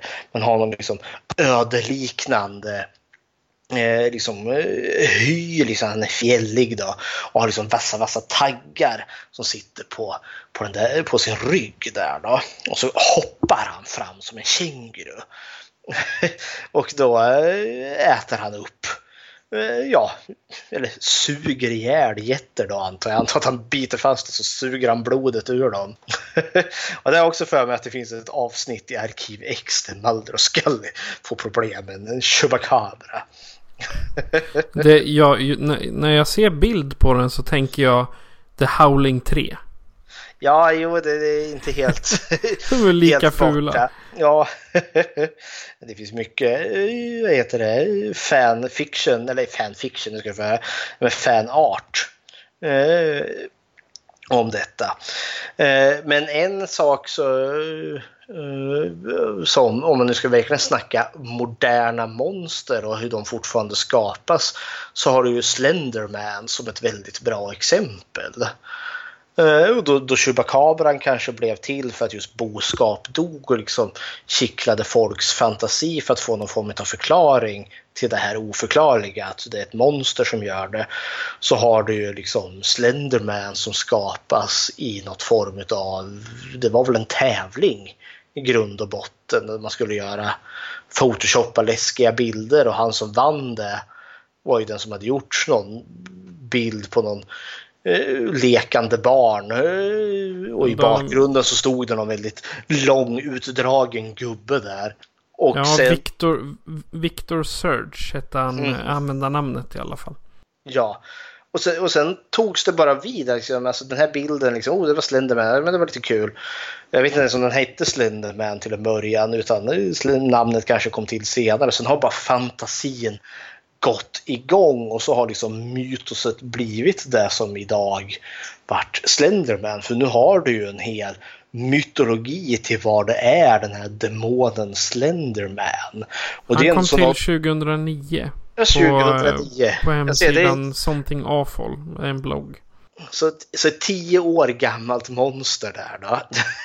så det är ju jätteroligt för liksom, jag menar Slenderman hamnar ju på liksom i samma eh, mytologiska hög eller på samma mytologiska bokhylla som ja, men, eh, Cyklopen och Kentauren och Hydran och Midgårdsormen och alla de där som är skapade tusentals och åt tusentals år innan Slender dök upp. Och det, sånt där tycker jag är jätteroligt. ja, det, det, det, det finns alltså Washington Post släppte en väldigt, väldigt lång artikel om eh, om, eh, på engelska blir det the, the, Complete History of Slenderman. Mm. The meme that compelled two girls to stab a friend. Ja. Och det är en, en, ganska lång artikel. Jag har bara kunnat sett bitar utav den. Men eh, så finns det från 2014 också en bok. Slenderman, Birth of an Urban Legend. Eh, av Devon Sagliani. Det finns, en, det finns en fantastisk dokumentär på HBO för den som är intresserad som heter Beware the Slenderman. Exakt. Som just handlar om det som, lite om hur skapelsen blev till men framförallt om de här två flickorna som vart så inspirerade av myten kring Slenderman att de försökte mörda en tredje flicka där då. Mm. Och det är, det är en lång, det höll jag föreläsning om i en timme. Ja. Så just den, eh, den delen kan vi... Vi sparar den. Ja, precis. Vi, vi kan spara den till Slenderman-avsnittet om ja, typ 40 avsnitt. ja, för Slender kommer dyka upp här.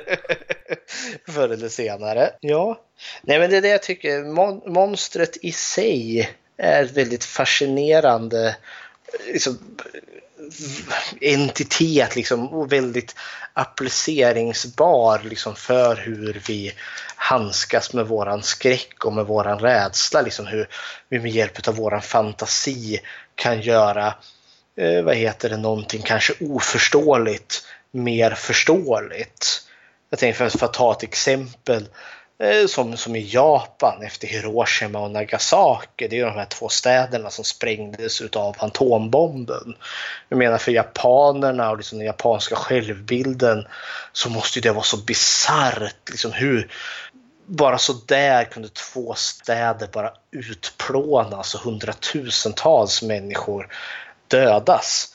Och i kölvattnet utav det så har du ju filmmonstret Godzilla som är ett resultat utav vad heter det, eh, kärnvapentester.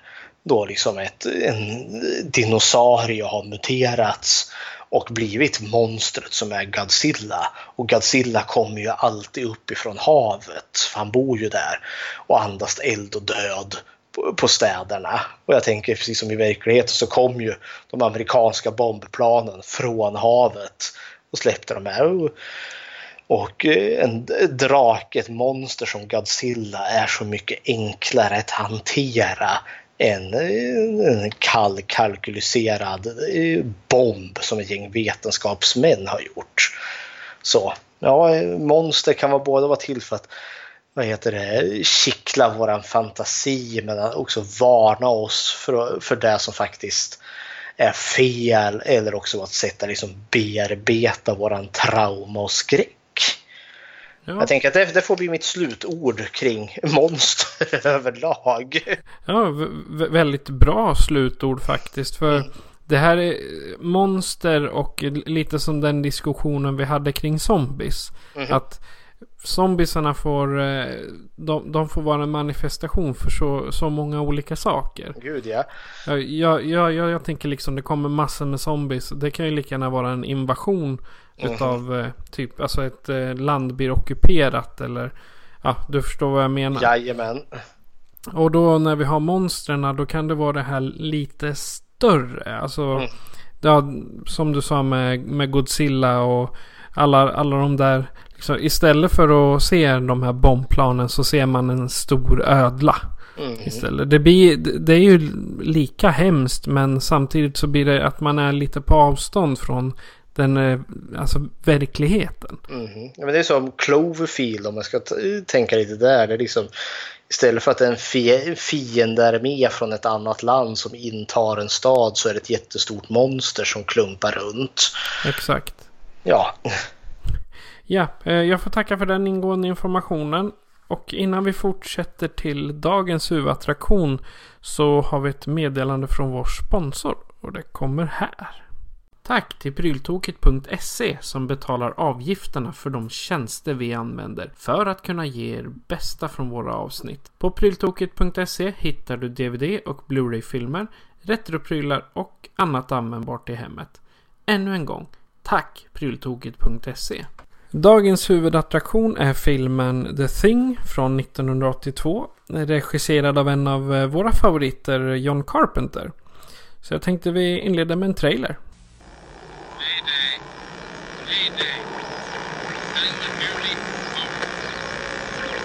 This Station 31. You read me? Found something in the ice. We need some help down here. Can anybody hear me? We found something. We found something. We found something.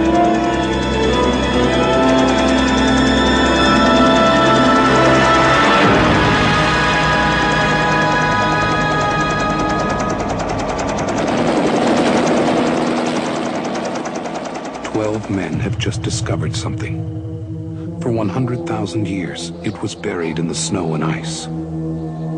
Now it has found a place to live. Inside. Where no one can see it, or hear it, or feel it. I know I'm human. Some of you are still human. This thing doesn't want to show itself. It wants to hide inside an imitation. It'll fight if it has to, but it's vulnerable out in the open. If it takes us over, then it has no more enemies. Nobody left to kill it. And then it's won.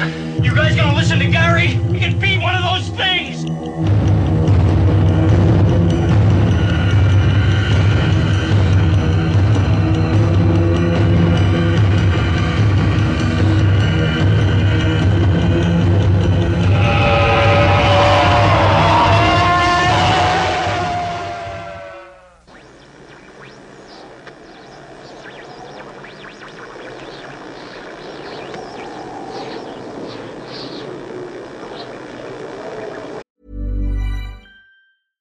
I'm Sandra, and I'm just the professional your small business was looking for. But you didn't hire me because you didn't use LinkedIn jobs. LinkedIn has professionals you can't find anywhere else, including those who aren't actively looking for a new job but might be open to the perfect role, like me.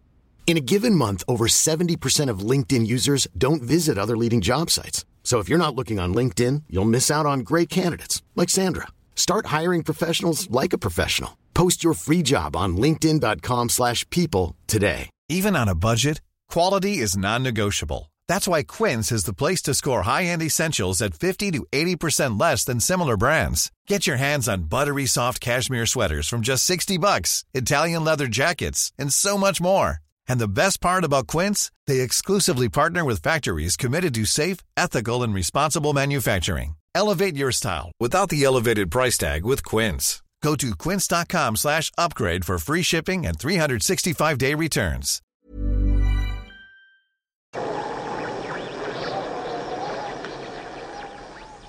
En grupp med 12 forskare befinner sig på en avsides belägen station på Antarktis när de upptäcker ett rymdväsen. Det har begravts i snön för mer än 100 000 år sedan och det upptinade monstret orsakar snabbt förödelse och skräck. Det är The Thing. Då ska jag fråga varför valde du den här? Eh, återigen så är det för att eh, jag, jag har sett den här som ung. Det känns som att jag har sagt det till alla filmerna som jag har haft än så länge. Eh, men eh, återigen, jag, jag såg den här kanske första gången när jag var typ 14 år eller något sånt där och vart tagen av den direkt. För det är en helt fantastisk film. Eh, Eh, och mycket med det är väl liksom att den här sticker ut på många olika sätt tycker jag. Dels för att den har musiken i den är helt fantastisk som då sätter stämningen. Eh, och specialeffekterna i sig är också helt otroliga. Men det är just att den här filmen tycker jag lyckas ge en genuin känsla utav skräck och obehag. Ja, alltså det, jag håller med dig där när det gäller effekterna. För som eh, så, så, mycket av den, de recensionerna jag har läst här, Mm. ga, ga, ga, ganska stora tidningar och bloggar alla nämner eh, att eh, idag så hade allt vad, vad, vad effekter heter. Det hade liksom varit en dator som mm -hmm. gjort precis allt. Men här har vi alltså effekter i stil med, jag skulle säga Peter Jackson-kvalitet. Mm -hmm. Just på stop motion och dockor och allt vad de nu kan hitta mm -hmm. på. Och ju, ba, bara tanken att ha en, en, ett monster som sprutar gegga på andra djur. Liksom, mm. Det, det, är ingen annan än Carpenter som kan komma fram till något sånt. Men det är precis som du sa. Vi fick ju ett sånt exempel där då man hade gjort den här nu med prequelen eh, som kom 2011 Exakt. tror jag. Och det var ju monstret mycket riktigt totalt dataanimerat. Eh, som var en del lite i att den filmen vart lite jaha, tyckte jag. Men eh, vad tyckte du då om den här filmen förutom specialeffekterna i den? Alltså jag gillar eh, Kurt Russell överhuvudtaget. Mm. Nu är ju, när, när jag har kollat hans filmografi så är ju The Thing den enda skräcken han har varit med i. Mm. Annars har det mest varit militärfilmer med mycket pang, pang, pang. Mm. Men det, det passar honom. För han är den här som kan gå runt i typ 40, 40 minus i en skinnjacka och skinnhandskar och inte frysa. För jag menar skinnhandskarna om du har dem på dig när det är så kallt. Det, det blir varmare om du stoppar in händerna i ett kylskåp. Men det, det, är Kurt Russell. Det, det, är hans stil. Och han är så i nästan varenda film han är med i. Mm. Och det är liksom. På så, på, han, att de hade, använde honom som skådis. Det var ju fullt träff. Och sen just alla, alla karaktärer här. De är ju lika korkade allihopa. Mm. Typ. Alla har ju sin egen, alltså de, de gör verkligen en grupp där ingen är exakt mm. likadan och du har inga minions som bara hänger. Nej, det är ju, det är ju på den här amerikanska eh, forskningsstationen där på Antarktis. Och det är ju vad är det, det, det är 12 stycken räknade jag mig till. Mm. Och det tycker jag är ganska imponerande för jag är helt med på det tåget att det, det är 12 ganska separata personligheter. Alla liksom har sin beskärda del. Det är ingen som blir den här liksom ja, identitetslösa figuren i bakgrunden som bara är till för att vara eh, kanonmat i den här filmen. Men det jag inte tänker ställa upp på är att jag tycker inte att de är korkade. Däremot, ja, inte alla. nej, men det, det, jag tänker på är att eh, de känns autentiska. Ah, okay, dels, dels i att eh, eh, det inte det är inte bara enbart liksom unga snygga Hollywood-människor. Det som skulle vara liksom mest Hollywood utav de här det är väl Kurt Russell själv i sådana fall. Men han har aldrig riktigt varit någon sån sexbomb. Liksom hunk till, eh, vad heter det, en manlig hjälte i, de här, i, i sina filmer. Men för det är liksom det är liksom folk från, både från ung till lite till, till äldre, typ Dr. Blair den som är äldst i det här gänget tycker jag. Han är liksom ganska han är tunnhårig och liksom lite småtjock. Och det är där vi har liksom ett gäng liksom blandat från liksom, vad kan de vara liksom 20 plus till 60 plus män här då som liksom är det, det, känns trovärdigt. Jag skulle kunna tro att det här är liksom en, eh, ett gäng polarforskare som är här istället för ett gäng liksom Hollywood-sköna människor eh, som av någon märklig anledning skulle råka vara polarforskare. Ja, Nej, men jag, jag, där, där har du rätt. Korkade var nog, var nog fel ordval. Eh, men eh, alltså för jag, jag, jag var först inne på att det här var en militärbas. Ja, det men sen liksom de, de sitter och dricker. De spelar biljard och mm -hmm. allt, allsköns knäppheter. Men det här måste, ja. det är alltså forskare och inte militärer? Nej, ska jag vara brutalt ärlig där, det, det framgår väl aldrig riktigt i filmen. Vad är det de forskar egentligen? Eller är det någon form av väderleksstation eller något sånt? För, för en militär, det tror jag inte att de är eftersom att det blir ett problem de har. De har ju inte särdeles mycket till vapen. Ja, förutom i en scen när han slår sönder ett helt vapenskåp med typ ja, fem stycken M, M4 eller vad det nu är. Ja, det, det är väl gevär tror jag han har. Ja, det är vanliga sådana här jaktgevär typ. Då. Ja, till pump. Inte vet jag, de behöver kanske försvara sig mot isbjörnar eller något sånt där. Ja. Om det nu ens finns isbjörnar på Antarktis, det gör det väl inte. De är på Nordpolen. Det finns väl ingenting större än en, en pingvin där då kanske.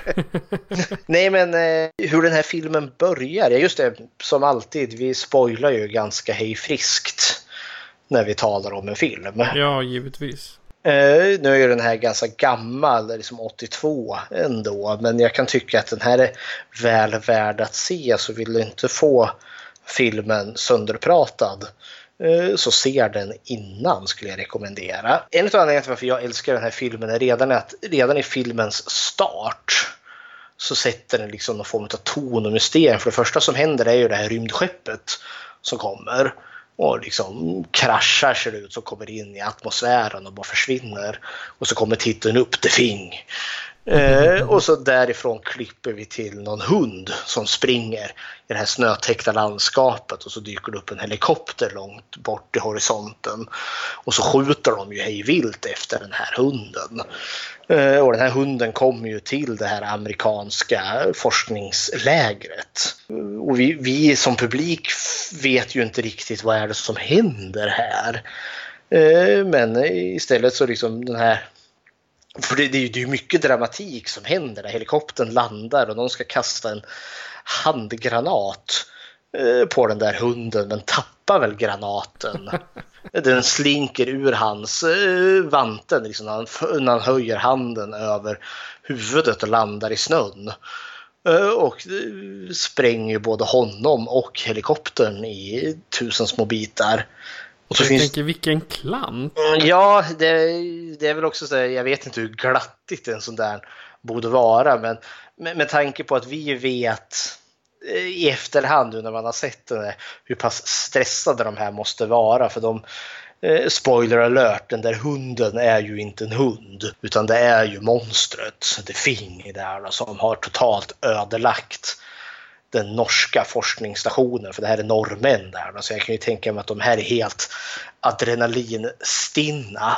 Jag gillar det när, när de, eh, för de, de, det är inte långt därefter Kurt Russell och hans någon kompanjon, doktorn är det väl, som man tar med till norska lägret. Mm -hmm. Oh, this is Swedish. Swedish, ja. not Swedish, Norwegian.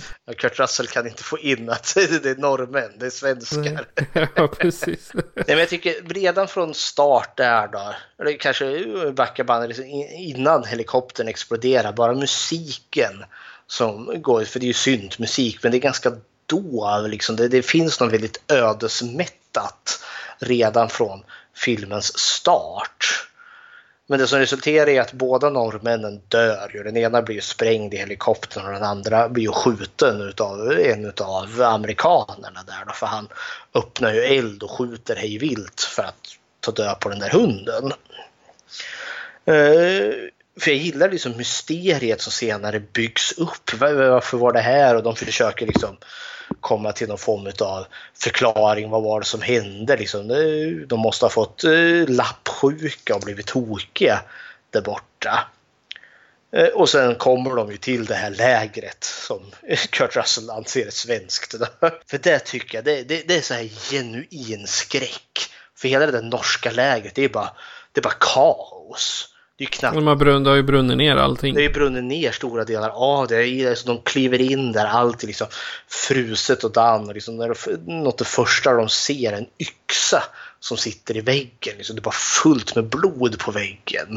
Man förstår att här har det ju hänt något hemskt. Och så kliver de in i ett rum och då hittar de ju en man som har tagit sitt liv.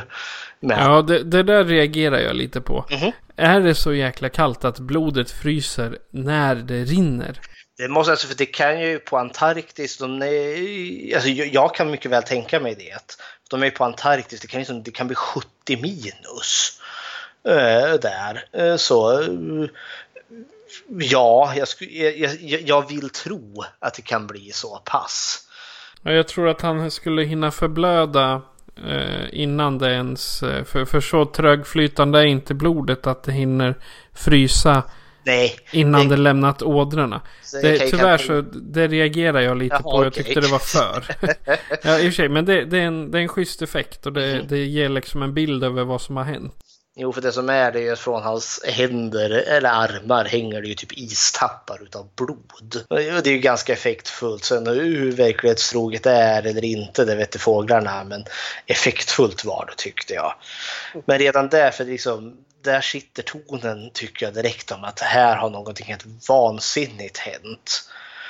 Och sen hittar de ju det där, ja, något som de har bränt i någon form av massgrav ser det ut som. Jag tror det är både människor och någon form av djur. Ja, och det är väl antagligen en sån här varelse, en sån här fing-grej.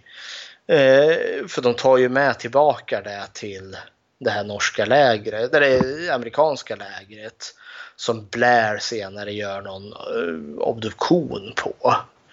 Men innan det händer så kommer ju den här liksom, vad jag tycker är en av filmens första eh, liksom genuint liksom, nu sätter vi, liksom, nu kickar vi upp det här liksom i high gear. För innan har det varit det här mysteriet, vad har hänt? Och, eh, för den där hunden som norrmännen jagade har ju smugit omkring inne där på den här amerikanska stationen. Och så ska ju den placeras in på hundgården.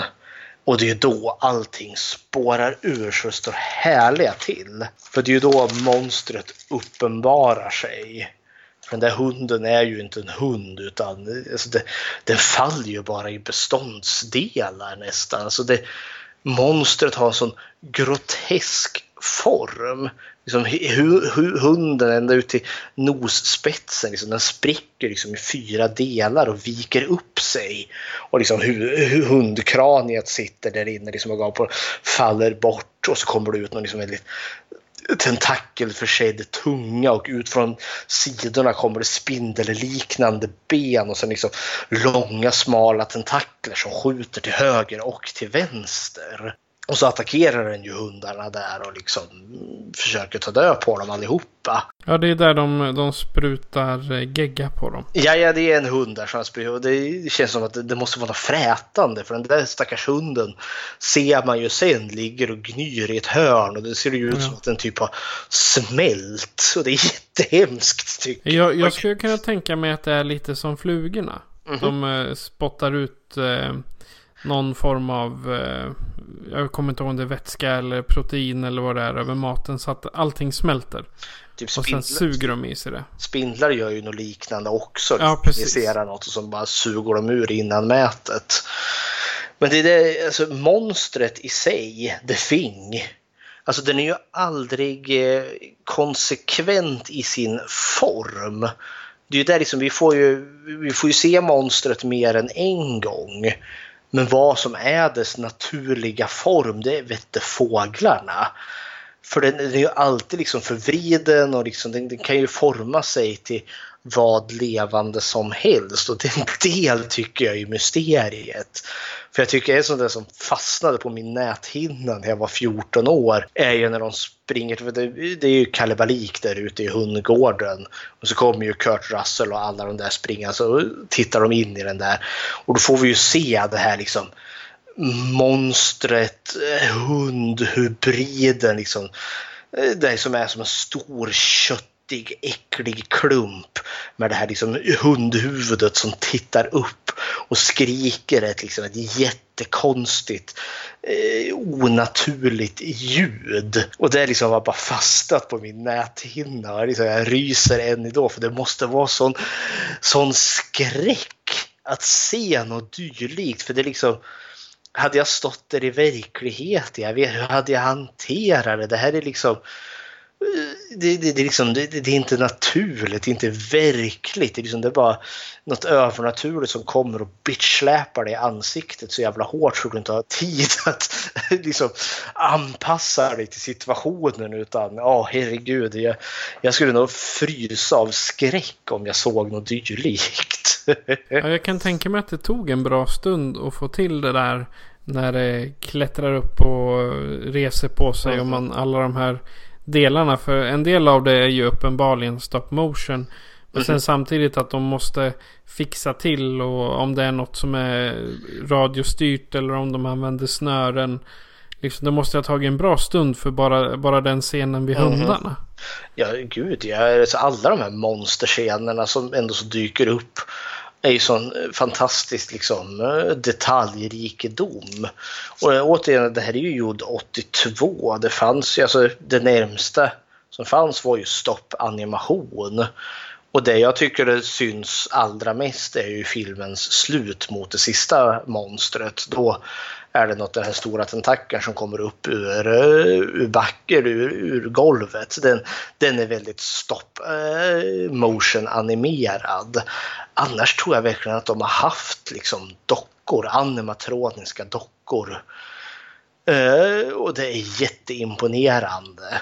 Som, som, eh, som senare när han Norris, hans, vars bröstkorg öppnar sig och biter händerna utav eh, doktorn. Ja, när hans huvud, när han brinner upp, eh, huvudet som sliter sig från kroppen och får spindelben och kryper iväg. Ja, det är helt sjukt. Det är helt vilt. Men alltså det är, ja, eh, jag köper det. Det är återigen vansinnigt snyggt och imponerande tycker jag. Ja. Ja, de har ju väldigt kreativa lösningar på allt vad effekter heter. Mhm. Sen tycker jag liksom, eh, för direkt efter den här hundgårdsattacken, de bränner ju monstret där och tror väl att den är död då. Eh, för så kommer ju den här, då, han, eh, Dr. Blair, gör en obduktion utav The Fing. Eh, och det, det är en sån där grej som jag gillar framförallt med monsterfilmer överlag. För det är, det är någonting okänt som har kommit till dem. Den här okända varelsen som försökte äta upp alla deras hundar. Så får man höra hur han liksom försöker ge någon eh, tanke, någon liksom vetenskaplig analys på vad är det här. Och han liksom klipper upp den, obducerar den och hittar hjärta, lunga, liksom allt vad det nu är. Och de här liksom helt förvridna halvkopiorna på hundar som, som den aldrig varit klar med. Och det är, det är så snuskigt, den är så, den är så konstig. Mm. Ja, jag, jag gillar det för eh, Alltså som det, i och med att det är film och det är så typiskt film. Så han använder inga handskar och han har inga munskydd. Nej, och jag har ju tänkt på det. Alltså, eh, spoiler alert, eh, Dr. Blair är ju senare en sån, han blir ju en sån här varelse. Eh, och jag, jag misstänker ju att han blir smittad där. Ja, det är ju logiskt. Ja, det känns så. För det, för det kommer ju senare han då han Dr. Blair sitter med, med en väldigt primitiv datasimulation. Det, och man får se liksom, det är typ en brun pixelprick och en blå pixelprick och den här bruna saken då är då The Thing-varelsen. Och sen eh, kommer den nära en blå, liksom. ja, då assimilerar den och gör sig en kopia och så kommer den nära en ny blå, ja, då assimilerar den också. Eh, så det var lite kul, men där får vi ju reda på liksom att det räcker med så mycket som en enda cell från den här varelsen så kan ju den ta över dig. Och det här liksom apokalypsen kommer in, för han sitter ju där och skriver liksom att vad skulle hända om den här liksom kommer in i civilisationen, om den kommer in i en stad. Och vad är det då? På, då räknar ju datorn ut där att det skulle ta 27 000 timmar, sen skulle allt liv på jorden vara övertaget utav den här varelsen. Då ska den liksom ha gjort, satt i sig allt och gjort kopior utav det. Och det kommer jag... Det är alltså ungefär 1125 dagar. Ja, det skulle det ta. För Tre år. Tre år. Eh, och det läskiga är ju liksom att ingen skulle ju veta vem som är vem. Men man kan ju tycka liksom att vi har, vi har militär och vi har vapen, ja, men vi vet inte vem vi ska skjuta på. För de ser ju exakt likadana ut. Exakt. Så. Jag gillar det där med, med datorn. Det var, det var lite som att kolla på War Games. Liksom, han skriver eh, bara execute bla bla bla och så bling, kommer det upp exakt uträkning. Mhm. Och ja, det, det är samma i flera sådana där äldre filmer att execute och så skriver de någonting och så kommer det en massa siffror och så kommer det fram ett svar. Mhm. Och så skriver de igen en rad, gör så här Mhm. ungefär om det skulle ha varit svenska. Och det, det är bra för filmen för Mm. det behöver inte vara de här, eh, jag menar jag, jag kodar HTML och Mhm. menar, det är inte lätt att förstå om man bara, om man inte är insatt i det. Nej. Jag tycker det är kul att se så här gammal teknik om inte annat. Det var liksom datorer förr, back in the days. men ja, kära någon. Nej, men, eh, för, för sen blir det ju paranoia här. Och det är här som jag tycker är en av filmens styrkor. Hur de, det känns trovärdigt hur man liksom... De kan ju inte lita på någon i slutändan. Ingen vet vem som är The Thing och vem som inte är The Thing. Eftersom att kopian är ju perfekt om monstret får tillräckligt med tid att göra en kopia. För du kan ju avbryta den mitt i processen.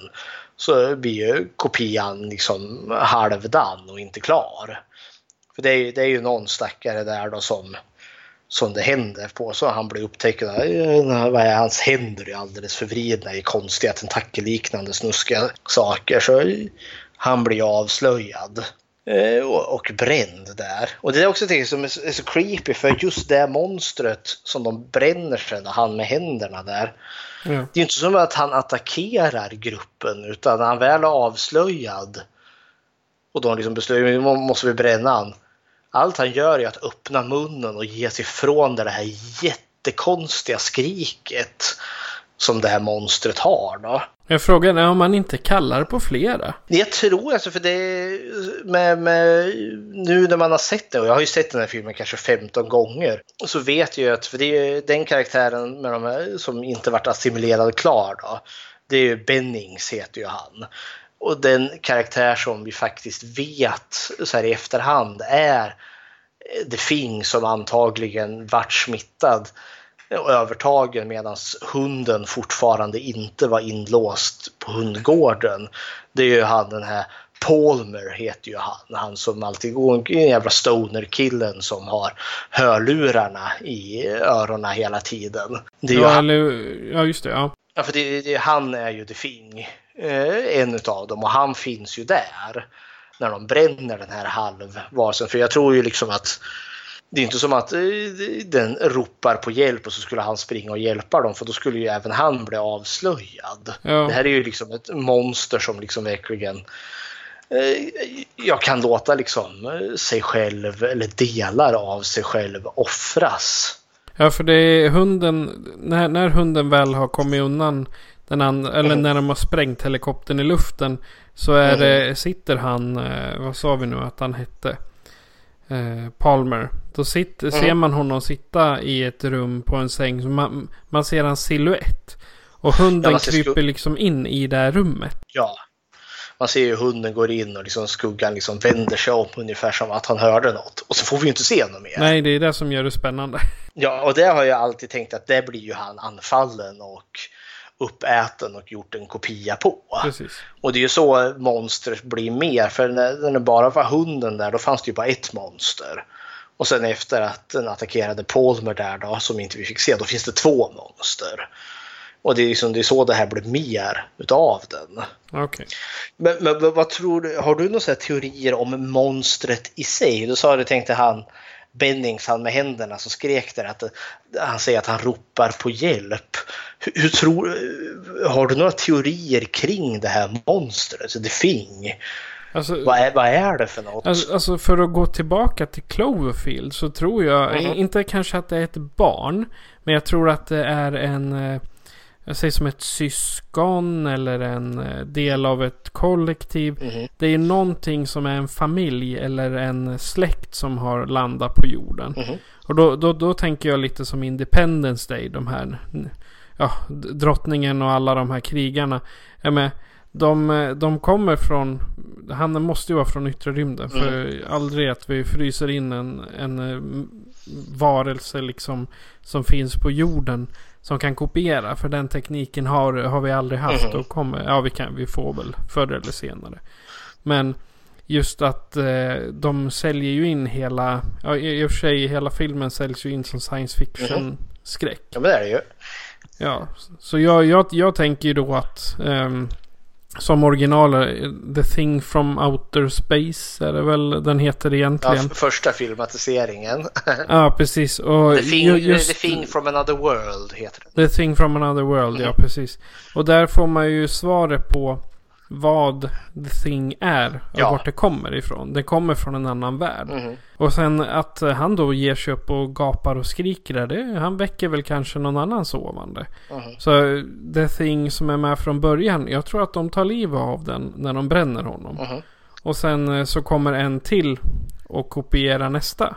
Så att det, i, i slutet av filmen så har vi haft två The Thing. Ja, då, The Things. Jag har alltid tänkt så här att jag tror inte ens att rymdskeppet som vi får se i början, det som kraschar på jorden. Jag tror inte ens att det är den här monstrets rymdskepp. För jag tror det här är någon form av parasit som i sin mm. tur eh, tog eh, angrep det här ja, rymdvarelserna i det första rymdskeppet där som man de hittar senare kraschat där på Antarktis. Eh, och håller på att ta över. För jag, jag tror att det är på rymdskeppet har det också så drama med det här monstret som håller på att assimilerar och äter upp alla andra. Jag tror inte det är monstret som sitter och styr i spakarna utan att de rymdvarelserna som med, medvetet kraschar rymdskeppet på våran planet för att den inte ska kunna flyga tillbaka till deras hemplanet och ta över den. För det är egentligen bara en lycklig slump att den kraschar nere på Antarktis.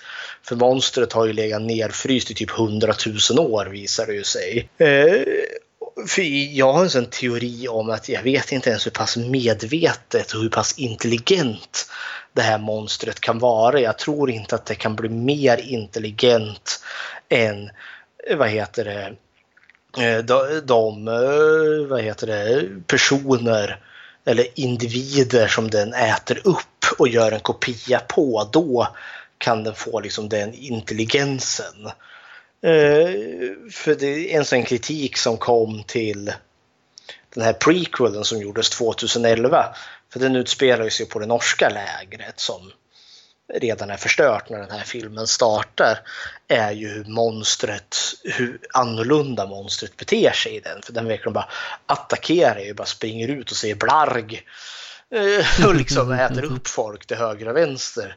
Och folk tyckte att ja, det stämmer ju inte alls med monstret hur den fungerar i eh, The Thing från 82. Då den är väldigt mycket mer håller sig gömd och verkligen den eh, visar sig inte förrän den har blivit avslöjad. Och då menar man liksom att ja, men i det norska lägret så lärde den sig från assimilerat eh, assimilera, assimilera kopior på de här människorna.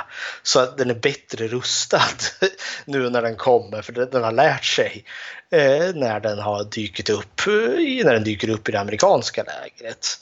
Så det är lite mer som en eh, typ eh, intelligent ja. parasit eller ett virus? Som, bli- som om de, de, de släpade med sig en utomjordisk influensa eller vad man ska säga ja, i stort sett. Som, som jag tror har blivit intelligent. För till en början tänker jag att den är lika intelligent som en amöba. Det är liksom en encellig organism som avancerar och blir bara bättre och bättre och bättre. Men så tror jag också att den är hive-minded. Att det inte, det, även om det finns två parasiter eller två eller tre eller fyra sådana här det finns så tror jag inte att det finns fyra olika medvetanden utan det är ett och samma. Alltså den har en tanke även om den har flera olika kroppar. Eh, så tänker jag. ja men det, det, det är lite logiskt alltså. För det här det är ju ingen eh, skräckfilm där det kommer ett monster, mördar alla och sen är det slut. Nej. Utan det är verkligen ett monster som ingen ser. Och det, fast det är ett monster, alla vet det. Mm. Men då är också, är det ett monster? Det är ett monster i deras huvud. Men i verkligheten så kanske det bara är den där parasiten. Ja, jo, ja. ett monster är det ju onekligen om man ska gå efter det där, vad ska man säga, Jo, är det? Den kommer, den kommer från rymden. Så den liksom kommer från en annan gränszon och den har monsterkroppen som ett monster också med tentaklerna. Jag tänker som så att det skulle vara sig som en hallucination att det egentligen är en sjukdom som härjar. Ja, exakt. Och att de som har blivit vansinniga. Nej, den teorin tycker jag inte alls om. Jag behöver att det är ett tentakelförsett monster som äter upp dem och gör kopior på dem. Ja, exakt. Ja, men, alltså, jag, jag, jag kan ju tänka mig att om det ska vara en kollektiv sjukdom som alla drabbas av. Då ska det ju vara någon sån här skyhög feber eller någonting. Mm. Så att till och med utomjordingarna som kraschar med här skeppet då drabbades av den. Ja. Och sen fick norrmännen sätta till och nu amerikanerna då. Mhm. Vart hamnar den härnäst? Grejen är ju den att den dör ju inte. Som den, den kan ju bli ner, den låg ju nerfrusen i hundratusen år tills och med att den tinade upp. Eh, så den skulle ju lätt kunna liksom bara låta sig frysa till is igen tills någon annan hittar den så skulle de bara börja om på nytt. Eh, men det är det som är tjusningen med den här filmen. Du får inte så jättemycket svar. Så den lämnar ju öppet till att eh, massvis med liksom teorier och eh, liksom funderande. För det som jag har sett och funderat på det, det behöver ju inte stämma ett enda utav det för filmen ger inga svar. Nej, alltså jag, jag tycker inte det är något fel. Utan då, för då, det, det ger ju rum för oss som är extremt nördiga och gärna vill hitta alternativa slut eller Men eh, vad tyckte du? Jag måste säga eh, en av filmernas starkaste scener. Jag sa ju Hundgården är ju en av dem. Men en annan som stack ut eh, för mig och som jag tror många brukar nämna när de ser den här. Det är ju när de ska göra blodtestet. För att avgöra vem som är The Thing eller vem som inte är The Thing. För de har ju kommit på en teori efter att han den här Norris eh, vars bröstkorg eh, öppnade sig som en stor mun. När de tände eld på honom då slet ju huvudet sig av från kroppen och fick de här spindelbenen och kröp iväg. Eh, då, då Kurt Russell får en teori om att varenda liten del utav monstret är en egen liksom levande varelse. Så det här huvudet slet sig loss från kroppen för att skydda sig från elden. Och då kommer de ju fram till att alla ska lämna ett blodprov. Eh, och så ska han stoppa ner en väldigt varm nål i det där blodet. För om hans teori stämmer då skulle liksom, om det var blod från monstret, kopian där då, då skulle blodet skutta iväg för att försöka undvika den varma nålen. Eh, vad tyckte du om den scenen? Alltså det, det är ju det som gör filmen ärligt talat. Mhm. Är det andra dialoger och händelser. Jag tyckte de var... Alltså nu, nu är det en gammal film och jag, jag gillar gamla filmer. Mhm. Men eh, ibland när det gäller 80-tal så kan det vara ganska krystade dialoger. Det kan vara halvtaskiga dialoger. Nu, Jag säger inte att det är det nu men ibland. Och just när det här blodtestet kommer upp så det, liksom, det lyfter filmen något enormt. Det är liksom, där satt jag som på nålar. Mm, det tror jag de flesta gör. För det är också Ja. det, vi vet inte om de har rätt heller ens en gång. Än så länge så vet vi inget för vem som håller på där och stryker och sen visar det sig en av dem är ju The Thing. Och det tror jag är en sån jump scare som många som inte har sett filmen liksom, andra, eller såg den för första gången sket på sig när det hände. Åtminstone jag hoppade högt i tv-soffan när det, när det bokstavligen händer. Men han stoppar ju nålen i och blodet skuttar iväg skrikandes. jag, jag sket ner mig. Ja, alltså, där, där, där får man ju liksom se att Russell är hjälten. Mhm. För han kan ju det där helt plötsligt. Alltså utan och innan. Eh, Som, som jag tog honom så var han någon form av typ försvarare eller vakt eller någonting Han är, lägret. han är ju helikopterpilot. Ja just det, så är han ja. Han är pilot. Men eh, doktorn är ju död där, Dr. Blair. När de gör Nej, inte det, nu ska vi se. Nu Nej, är det fel jo, doktor? eh, han heter ju Dr. Dr. Blair är ju snarare professor då. Ah, Det okej. finns ju en till doktor. Dr. Cooper. Dr. Cooper ja, och det är han som får händerna avbitna. Ja, exakt. Och han, han är ju död vid det där laget. Ja. Nej, för det... Ja, men då är det Dr. Blair då som... Det måste ju vara han som tipsar Russell, eller McReady, Mhm. eh, om eh, själva testet. Han, är, han listar ju ut det där efter att de bränner upp det här monstret. eh, Då han, liksom, han får en teori där om att varje del utav monstret är en egen tänkande enhet. Liksom. Okej. När, när vi människor blöder då är det liksom bara, det bara vävnad. Men när den blöder så är det liksom som en del, en tänkande, kännande varelse. Så det ser ut som blod, men det är inte blod utan det är liksom en del av det här monstret som har eh, ett sinne och det är ju också jäkla creepy i sig. Ja. Det ser ut som Det, det är som en, en legomodell. Det är ju det. att Liksom det, det är Play-Doh som har fått liv. som kan forma sig till vad som helst. Ja. Nej, eh, jag gillar ju den här jättemycket och jag gillar också när slutet kommer. För monstret klarar ju inte av att hålla sig gömt och förstör generatorn är det väl. Plötsligt försvinner ju buff, allt ström, det blir bara mörkt. Eh, och så nämner det, för då kommer ju liksom all värme kommer ju att försvinna och de kommer ju att frysa till döds. Helt enkelt de få som är kvar, för nu vet de ju vilka som är, vem som är människa och vem som inte är. Och den enda som de inte har koll på det är Dr. Blair för han har blivit tokig och honom har de ju låst in i något hus. så han är den enda som de ska testa och han är ju faktiskt, han är ju The Fing. För han är Ja. enda som är, och han vart väl smittad när han obducerade hunden. För det gillade jag också, för det, det är där de kommer fram till liksom att ja men för dem skulle det innebära döden. Ja, de skulle ju frysa till döds. Men det Fing-monstret skulle inte frysa till döds. Han skulle bara gå in i någon form av dvala. Och, vänta, och kan då vänta till att räddningsteamet ska komma.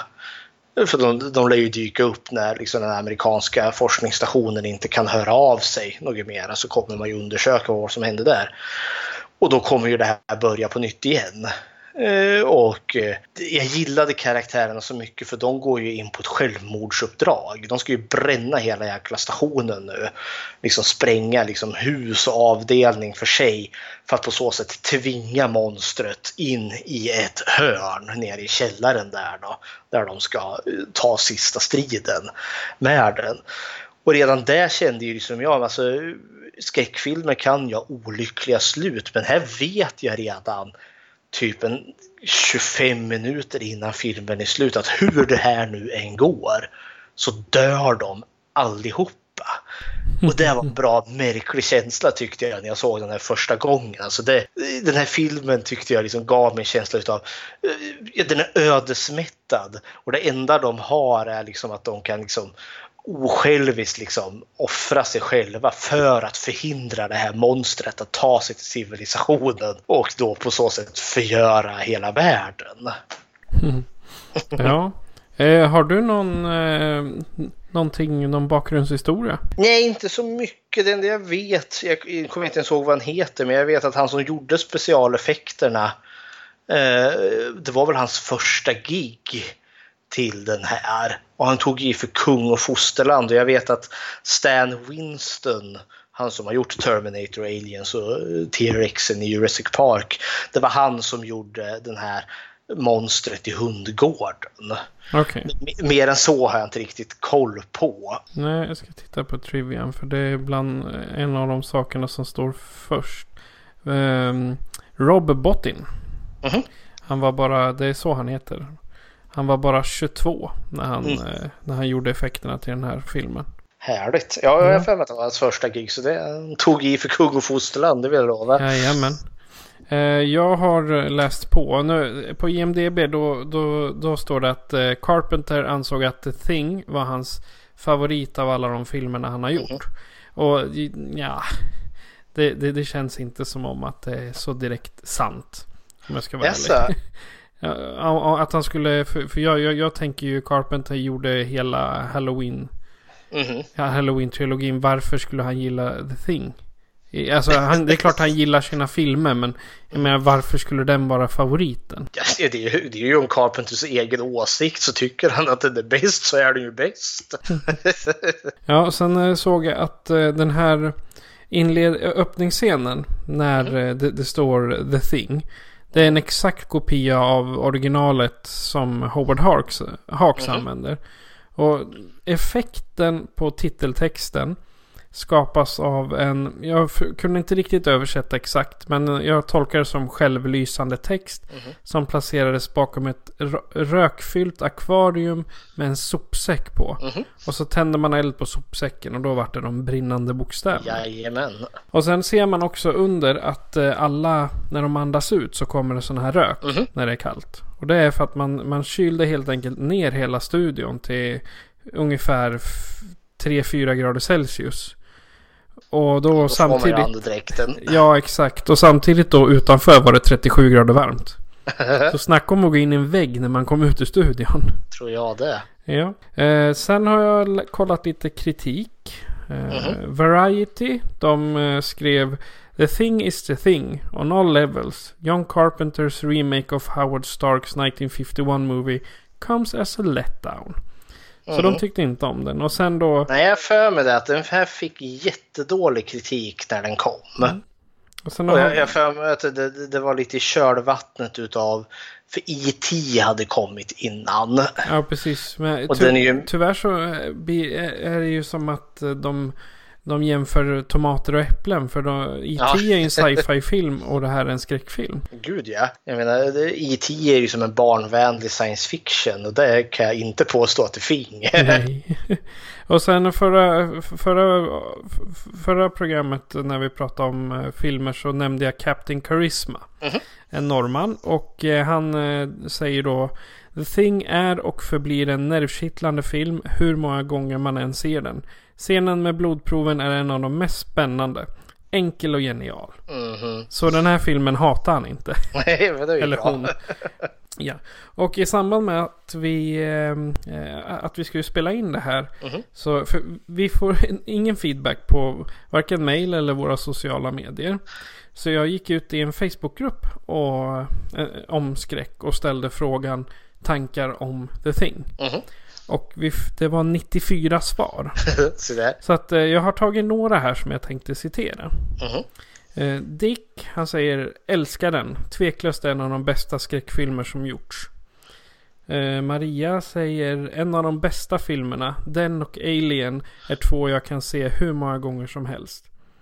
Gustav, grym bra klassiker. Eh, en annan Patrik sa, såg den när den var ny på bio. Blev otroligt skrämd av den då. Effekterna var inte av denna världen då. Ja. Eh, Tony, bästa någonsin, kort och gott. Eh, Christian, han är inte så glad i den. Han säger fruktansvärt segt sömnpiller till film. Se där. Ja, och Jimmy, han säger en av få remakes som är bättre än originalet. Och sen är det en lite mer ingående Yngve. Versionen från 82 är mycket bra. Den vågar vara tvetydlig. Man vet faktiskt inte vem som är människa. Plus att vi slipper en påklistrad kärlekshistoria. Mhm. Och så sista då, Per. Jag var ung och åt pizza till filmen. Pizzan blev aldrig uppäten.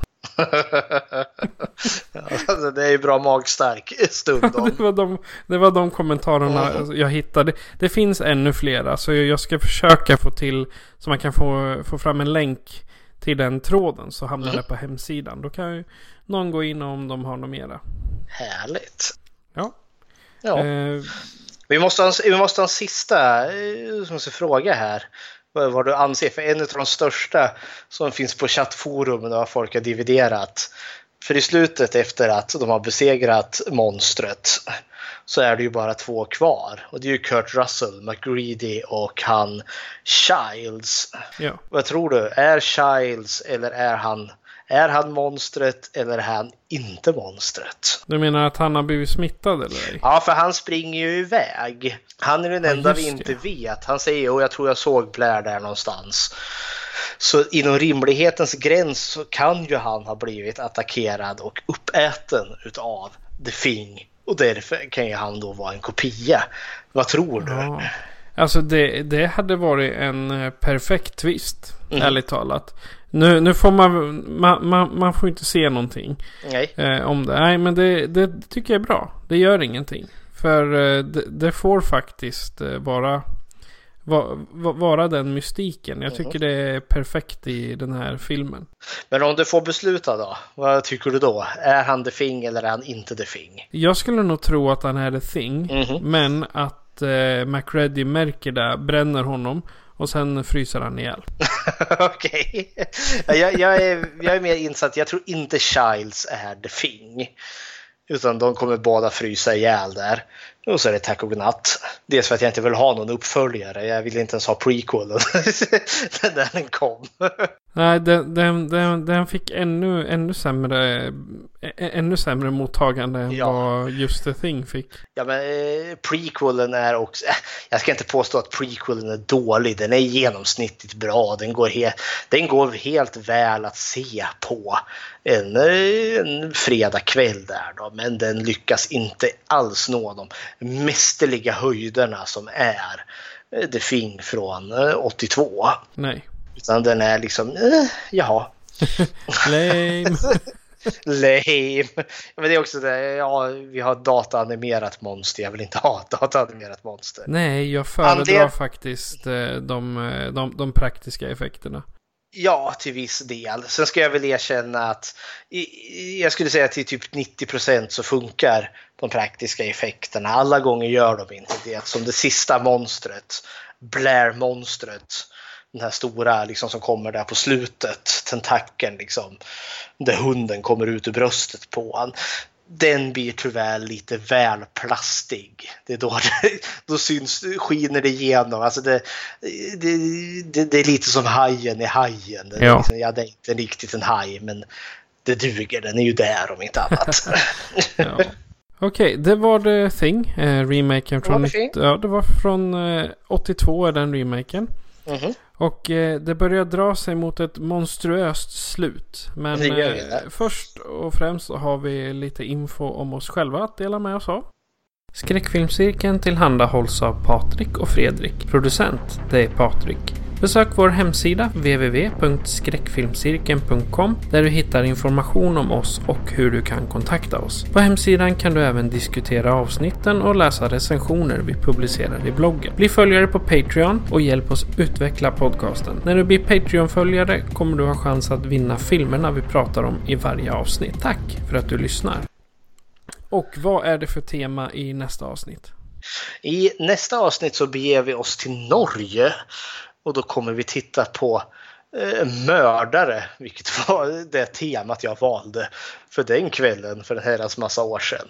Och vi kommer se den norska skräckfilmen Fritt vilt som på svenska då varit översatt till Kallt byte.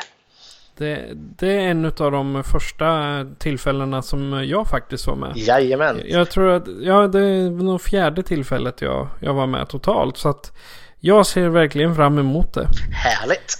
Japp. Och vi kommer eh, avsluta med eh, Rihanna och Eminem i form av låten Monster.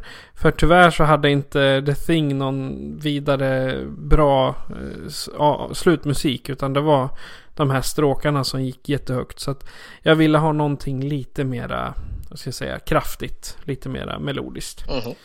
Så att eh, jag heter Patrik. Och jag heter Fredrik. Du har lyssnat på Skräckfilmscirkeln. Adjö! Adjöken! trying to save me. Stop holding your breath. And you think I'm crazy. Yeah, you think I'm crazy. I wanted the fame, but not the cover of Newsweek. Oh well, guess beggars can't be choosy. Wanted to receive attention from my music. Wanted to be left alone in public, excuse me. But wanting my cake and eat it too. And wanting it both ways. Fame made me a balloon. Cause my ego inflated when I flew see, but it was confusing. Cause all I wanted to do is be the Bruce Lee of loosely abused ink. Use it as a tool when I blew steam. Woo! Hit the lottery, ooh wee. But with what I gave up to get, it was bittersweet. It was like winning a used me. Ironic, cause I think I'm getting so huge, I need a shrink. I'm beginning to lose sleep, cause I'm I'm. friends with the monster